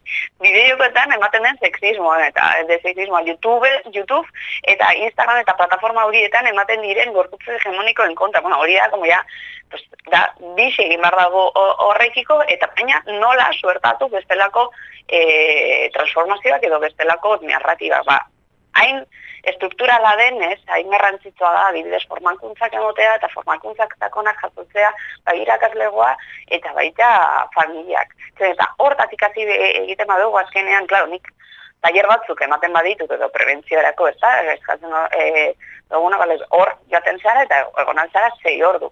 Kutsu bat sortzen dozu, bai, baina ez da egunerokoa. Eta benetan, benetan, benetan, transformazio sakon bat suertatzeko, egin, e, izan behar da eguneroko gauza bat, ez da? Hor daudezen, ez da, agente e, edo ezitzaileak, hor bertan egotea eta eguneroko lana egitea. Eta hortatik formakuntzak asko egon behar dira bideratuta bai irakaslegoi eta eta eta eta familiei. Eta gero hortatik, claro, formakuntza konkretuak nerabekin edo horri buruz hitz egiteko zen eta behar dutelako. Behar dutelako horrelako espazioak eta horri buruz hitz egitea, horri buruz berba egitea eta baien sentimenduei buruz hitz egitea eta zebeko aurkitzen duten eta nola bizitzen duten. Interesgarria, eh? ez daukagu denbora gehiagorik estibaliz hemen utzi behar dugu, baina agian aurrerago ere eskatuko dizugu. Segurazki ez, orain mundu digitalak gure bizitzetan daukan presentzia handitzen doan einean, ez dakit bilakaera positibo espero daitekeen kontu honekin, edo kerragora joango den. Em, nik beti bete, nik uste dut itzalak eta argiak egongo direla eta jarraituko direla. Gure bizitzan gertatzen den modun, egongo direla itzalak eta eta eta argiak. Eta argiak sakonak dira eta eta handiak, eh? Eta gure dut, ematen diren errebindikazioak, ematen diren bestelako e, gorputzak, bestelako diskurtsoak, bestelako narratibak, nik beti esaten dut, orain de YouTube e, e, ekarri duena, da, adibidez, ez dakit, transexualitateari buruz hitz egitea eta transexual desberdinak eta narratiba desberdinak aurkitzea da ikaragarria edo arrazismoaren kontrako, ezta? Adibidez, e, pertsona razializatuak haien ahotza ikusteraztea YouTubeen bitartez, haiei buruz, e, bizitzei buruz hitz egitea eta hor erdigunean ipintzea hori dakarri duenak e, e, internet, ezta? Edo in, konektatuta egotea, adibidez, gure e, zilenak egin, egin zutenean bideo hori, bideo famato hori, begira zein azkar, edatu egin zen, eta zein eragina izan zuen mundu desbe, osea, mundu guztian eta horrek dauka eh, hor dago garrantzia edo internetaren garrantzia. Orduan, argiak oso sakonak eta zabalak dira. Baita ere hor jarraitzen dira itzalak, baina zer egin dezakegu? Ba, bertan egotea. Bertan egotea eta erronkari eustea eta bestelako hori narratibak, diskurtzoak eh, eta eta edukia egitea. Ba, saiatuko gara, horietan ere pauso hori ematen ik, zer ikasi aukiko dugu ziur, baina hemen utzi behar dugu gaurko elkarrezketa Estibaliz Linares, eskarrik asko, guretzako tarte hau hartzeagatik. asko zuei, agur, agur, agur. Aio.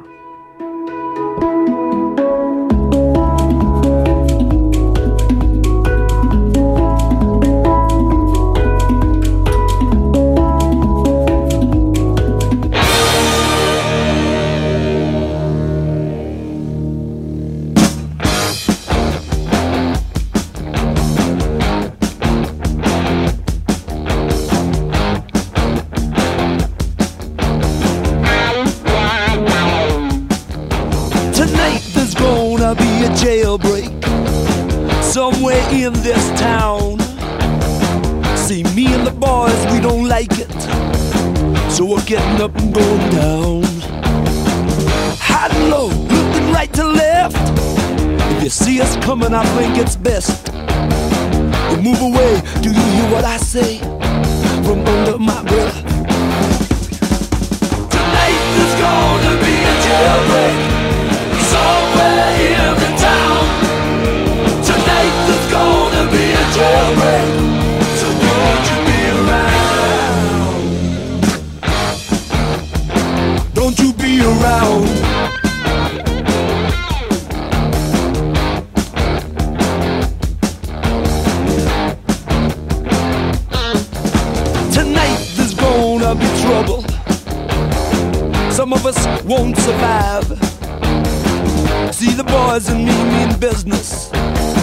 busting out dead or alive. I can hear the hound dogs on my trail. All hell breaks loose, alarm and sirens wail. Like the game, if you lose, go to jail. Tonight there's gonna be a jailbreak.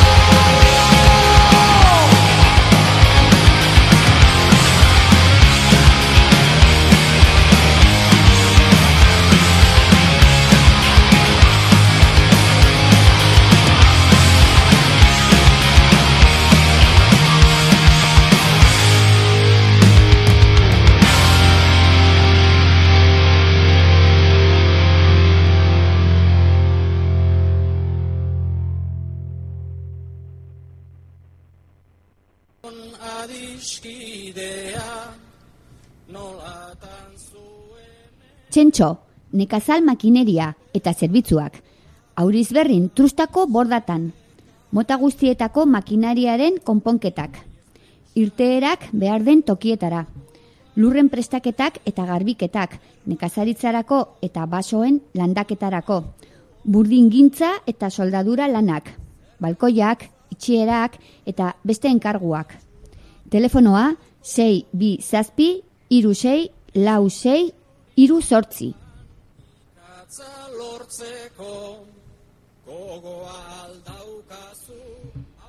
Chencho, en Espinal Aurizberri, en las bordas de Trusta.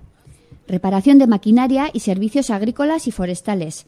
Reparación de todo tipo de maquinaria agrícola y forestal. Salidas a pie de campo. Todo tipo de desbroces agrícolas y forestales. Trabajos de soldadura. Balconadas, cierres y todo tipo de encargos. Teléfono 627 3646 38. Chencho, en Espinal Aurizberri.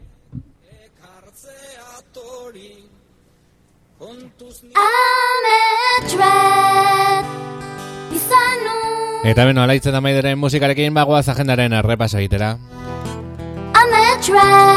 Amets bat entzuten ari gara. Zure besotan Babesturi Eta mintzakide egitasmoarekin hasiko dugu errepasoa igande honetan amabitan geratu da dira, esan bezala, beti be aurrekoetan esan bezala, ba, bermuta, hartzeko. Goitzeko pilotalekuan. Eta goitza aipatu dugularik, kulturetxean gaur arratsaleko zazpitan ikasturte bukaerako ekitaldia agoizko musika eskolak emainen duena sarrera librearekin.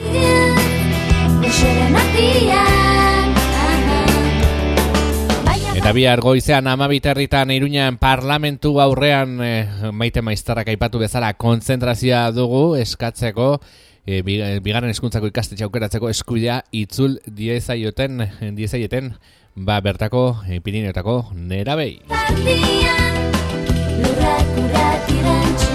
Eta larun bat goizean ere amabiterritan igariko gainan, omenaldia frankismoko esklaboei. Eta arratsaleko bostetan ari ben aezkoako etxean, bilgioa zerika ezkerak deituta.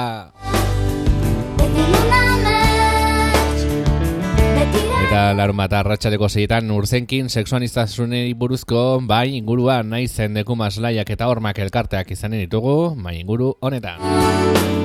Inuntasuneko Eta ari ben aezkoako etxean bilera irekia deitu du ere aezkoak kirol elkarteak arratsaleko zazpitan izanen da eta inkesten ondorioak aurkeztuko dizkigute.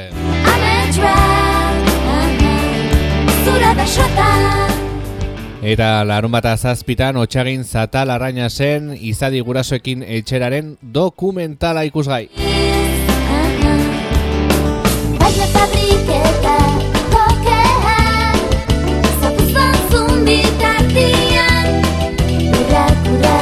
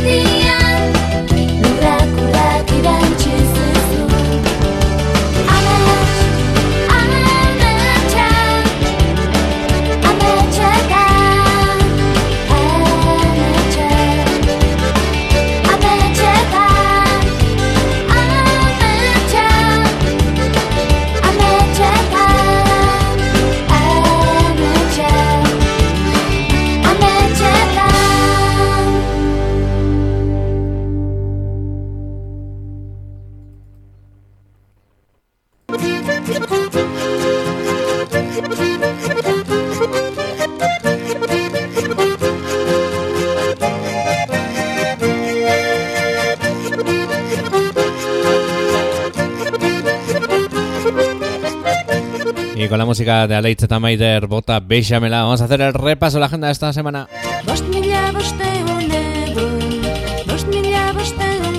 Y comenzamos con el programa Mintzakide, que bueno, para este domingo, como cada domingo, tenemos eh, Bermud eh, en el frontón de Agoitz a las 12 del mediodía. Y hablando de Agoitz, en la Casa de Cultura hoy a las 7 de la tarde, la Escuela de Música de Agoitz tiene el acto de final de curso. Ah, Será, la- como os he dicho, a las 7 de la tarde y entrada gratuita.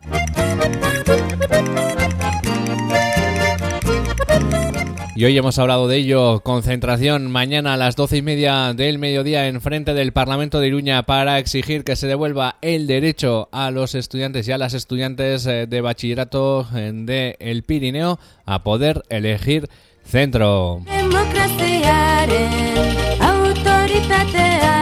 Y homenaje en el Alto de Igal a los esclavos del franquismo será este sábado a las doce y media. Y bueno, también en reunión en la Casa del Valle en Aribe a las 5 de la tarde, llamada por Cerica Esquera para, bueno, aprender este euskalki. Y mesa redonda en Urzenki, organizada por Gastelu y los servicios sociales de Roncal sobre la, la diversidad sexual. Eh, Participarán las eh, asociaciones Naizen de Kumas, Layak y Ormac. Y asamblea abierta en la Casa del Valle en Aribe en- a las 7 de la tarde, organizada por Aezkoa Quirol El Cartea, en el cual bueno, pues nos, eh, eh, nos harán eh, conocer las conclusiones eh, surgidas de las encuestas que pasaron hace dos o tres semanas. Y el sábado a las 7 de la tarde en Zatalarrañas, en Ochagi, proyección del documental Izadi Gurasoekin, Echera. רק בסלט.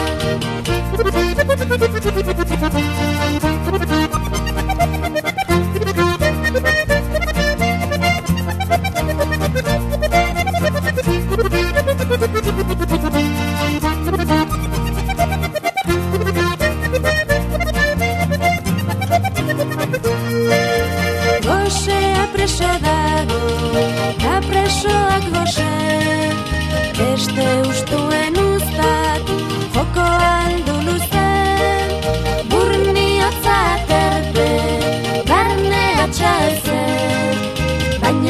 Urak mantentzen du, esperantza ezen Baina urak mantentzen du, esperantza ezen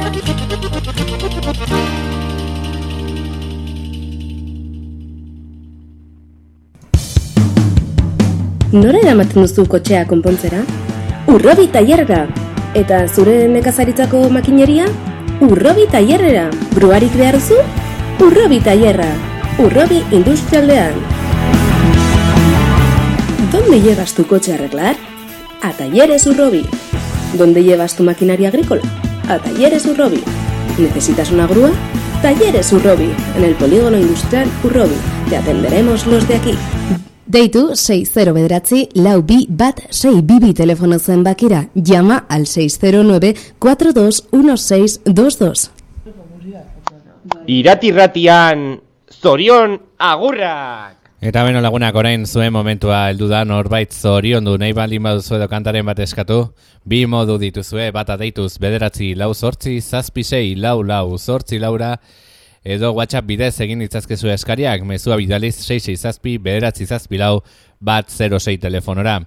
Y bueno, es la hora de las peticiones de canciones y felicitaciones, así que si queréis pedir alguna canción o felicitar a alguien, podéis hacerlo de dos maneras, una llamando al 948764484 o mediante mensaje de WhatsApp al 667-974-106. Eta, bueno, biharko egunan ere, arratsaleko seira Nafarra berriz altxa dinamikak bere, bueno, mobilizazioa eginen du, Antonio Titik irten da, eta, bueno, noain abestia sortu zuten roten amairu taldeak, eta hori da entzunen duguna. Y bueno, os dejamos con la canción eh, de Rotten eh, 13 Noain, ya que, bueno, mañana la dinámica Nafarra Berri Salcha Soberanía es Libertad. Llevamos, eh, mañana habrá una, una movilización en Iruña a partir de las 6 de la tarde, partiendo desde Antoniuti. Y para ello hicieron esta canción de Rotten Amairu, Noain.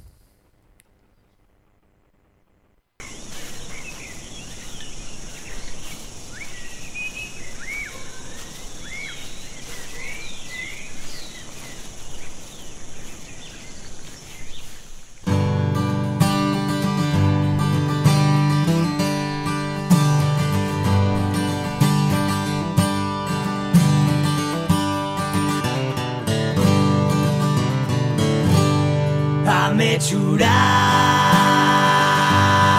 maitzean Azken atxa geratu zenan. Armarrita irrintzi dantza Herri baten esperantza. Udul artean galduta seme Labek ez dezaten esan gure gatik orain. Galdu dugula noain.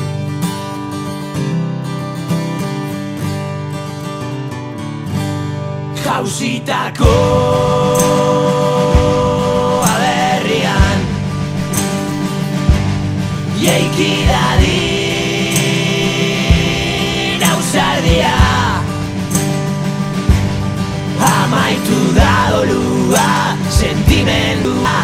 Ez behizan zapaldua Altxa behar da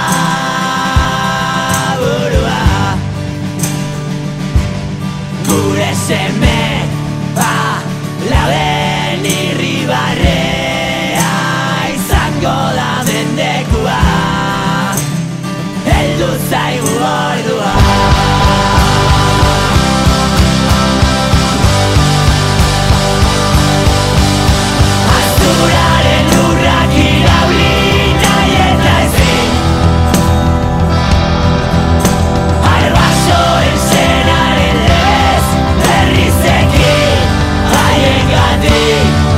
away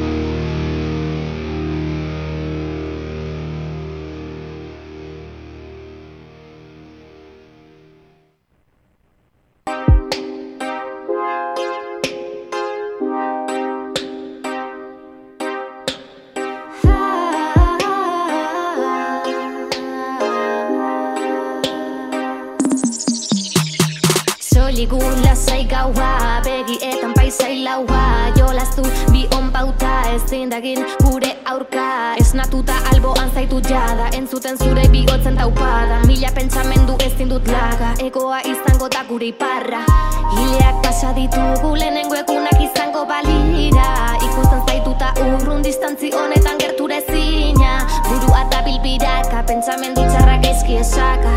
Momentu txarretan baita beti alko da onena besarka. Bilatu zure ardatza egin zazu balantza mezutan ez zait falta. Zoramena dugu gure ardatza beti kasita joan da gorantza. Nola urkitu zertan dugun antza espada ikutu lorean arantza. Musikak elkartu gaitu mikrofonotan orduak bizita. Kontzertuetan alaitu bapatean egindako bisitak. Elkarri izan gara zaindu elkartu gaitu bizitzak. Marka berria omen da lagun artean ez bada ezin da. Lokartu oi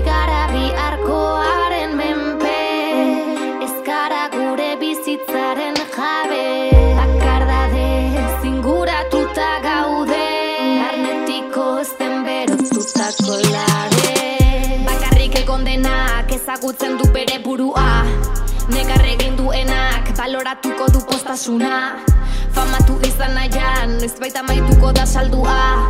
Pobreziaren baitan, orkestu nahi bizitzan lusua Utzi nahi ez duzun hori, euki itazu bi begi Gozatu egun da beti, ausartu egiten berri. Zure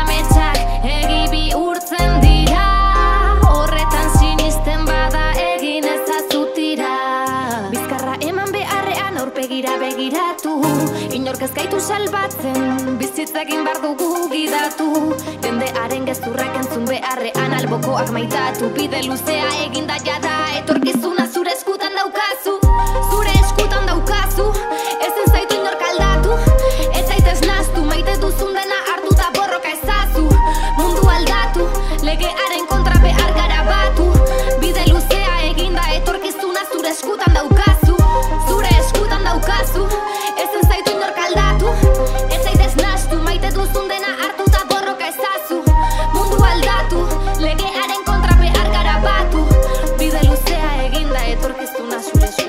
us.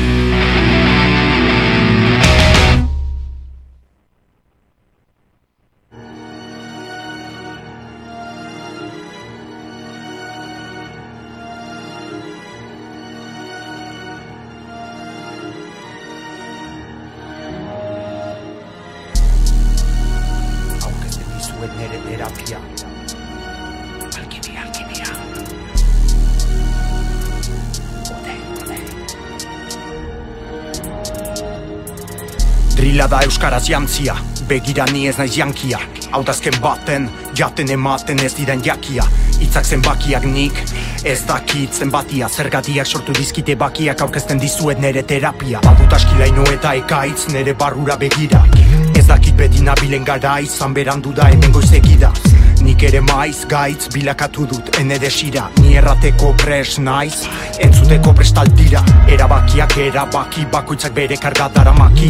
Ta biozun izaki bat izaki ni ere egiten naiz bizati Dudati nabila, lubaki bila, mila aldiz errandio taio. Usu mintzon atzaio, entzun ezin hauen bati. Idekitzen dut azala, nahi dunak tastan azala. Itzak bala balira bezala, doa zala, aldunak segititzala Maiz da presio eta obsesio, zer den tradizionala Ez nahasi alienazio eta anistasun kulturala. Eta oraindik nola ala? Ez da ordainik normala Ez da orainik orbainik nahi dutala. Baina hobeki hartzeko nik uzia bota behar dutala. Ez uste zerupe honetan oro den imusu truke Guke bertute gutxi dugula erranen nuke.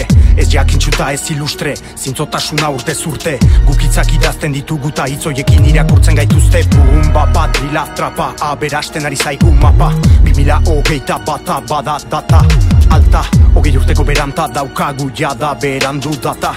Baina kanta, ez da dina hots berririk falta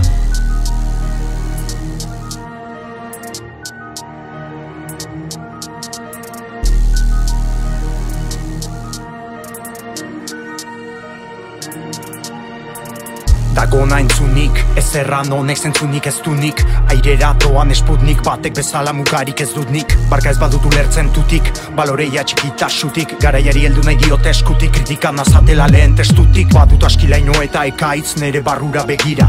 Ez dakit beti nabilen gara izan berandu da hemen goizegida Nik ere maiz gaitz bilakatu dut ene desira. Ni errateko pres naiz, entzuteko prestaldira Drila da euskaraz jantzia, begira ni ez naiz jankia.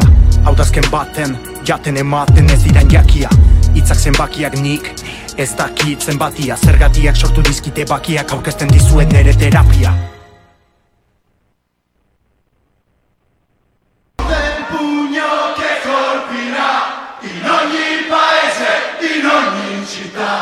Chi cammina sopra i corpi, violenta le culture, cancella i ricordi, forte il braccio che alzerà la bandiera rossa della libertà, come chi combatte sui monti, con le scarpe rotte quando fischia il vento, come Augusto Cesar Sandino, José Martí y Camilo Torres,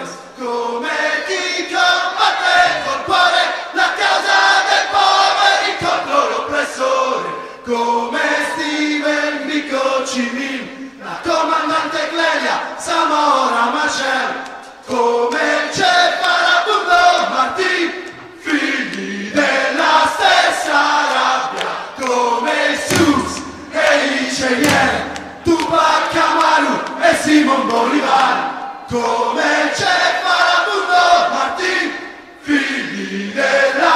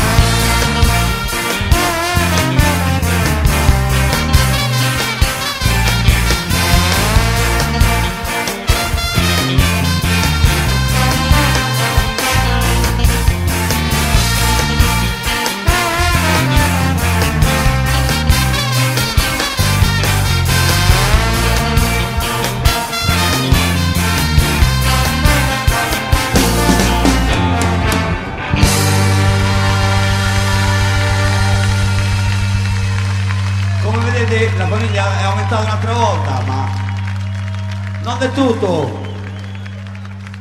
La macchina da guerra comprende anche Davide e Luca.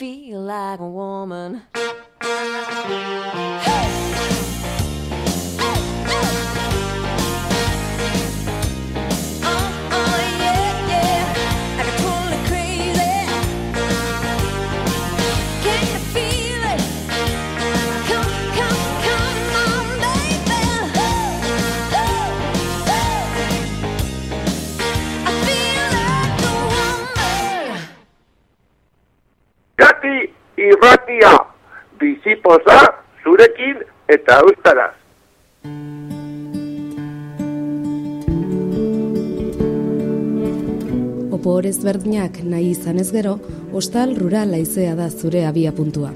Auzperrin gaude, atxeden aldiaz, lasaitasunaz, mendikirolaz, mendi ibilaldiez, naturaz eta historiaz gozatzeko lekuan.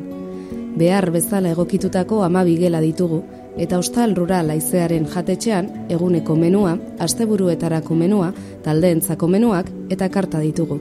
Eta tabernan gainera, bokadilloak, plater kombinatuak eta janaria eta edaria eramateko. CLH Navarrak ziurtatutako kalitatezko erregaiak eskaintzen ditugu aizea gasolindegian, zonaldeko prezio onenean. Gainera, bazkide txartela eginez, merkeago kostatuko zaizu. Deitu, bederatzi lau zortzi, zazpi sei, 0 iru, zortzi, 0 zenbakira. El hostal rural Aicea es el punto de partida ideal para aquellos que deseen unas vacaciones diferentes. Disfrutar del descanso. Estamos en Auzperri, un lugar para el descanso, la tranquilidad, el senderismo, el deporte de montaña, la naturaleza, la historia. Disponemos de 12 habitaciones totalmente acondicionadas y en el restaurante del Hostal Rural Aicea disponemos de menú del día, menú de fin de semana, menús para grupos, carta y en el bar cafetería además encontrará bocadillos, platos combinados, comida y bebida para llevar. Gasolinera Aicea, cuyos combustibles de calidad están certificados por CLH Navarra y tienen el mejor precio de la zona y que además, si hacen la tarjeta cliente, todavía les saldrá más económico. Llame al 948 760380.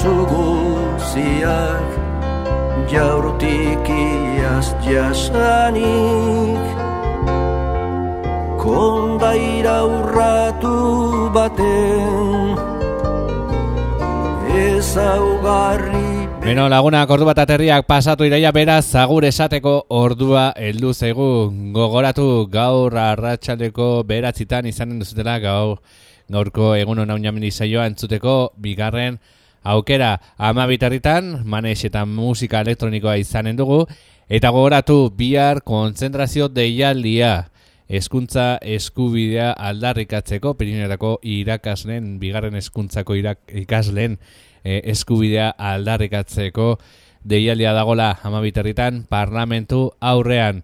Besterik gabe, astelen arte agurtzen zaituztegu besarka bat anoi, heio. minez eten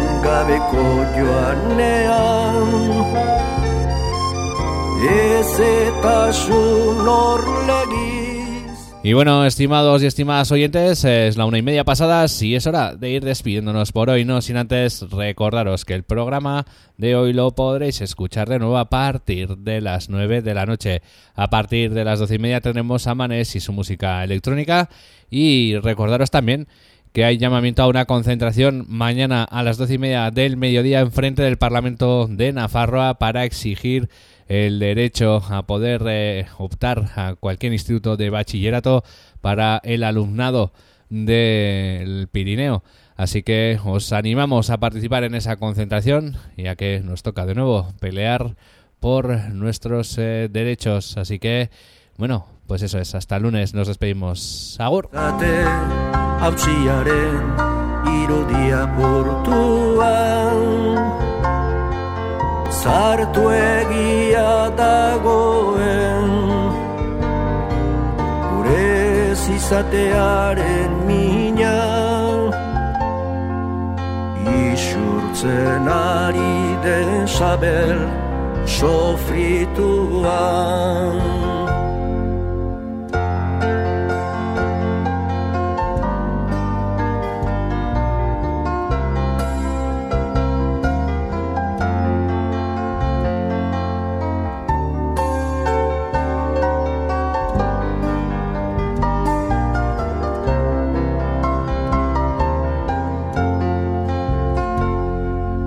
Ta eguneroko bakardadean Ixil, ixilean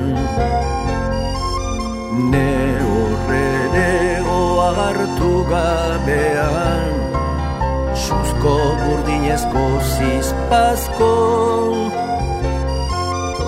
Oroitzapen zarran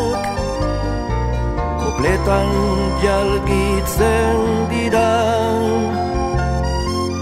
Hormetan errobak dituzten zuaitzetan gora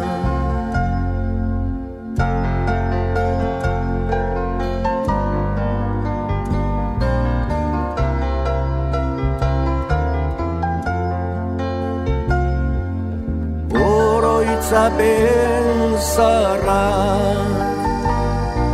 Kopletan jalgitzen dira.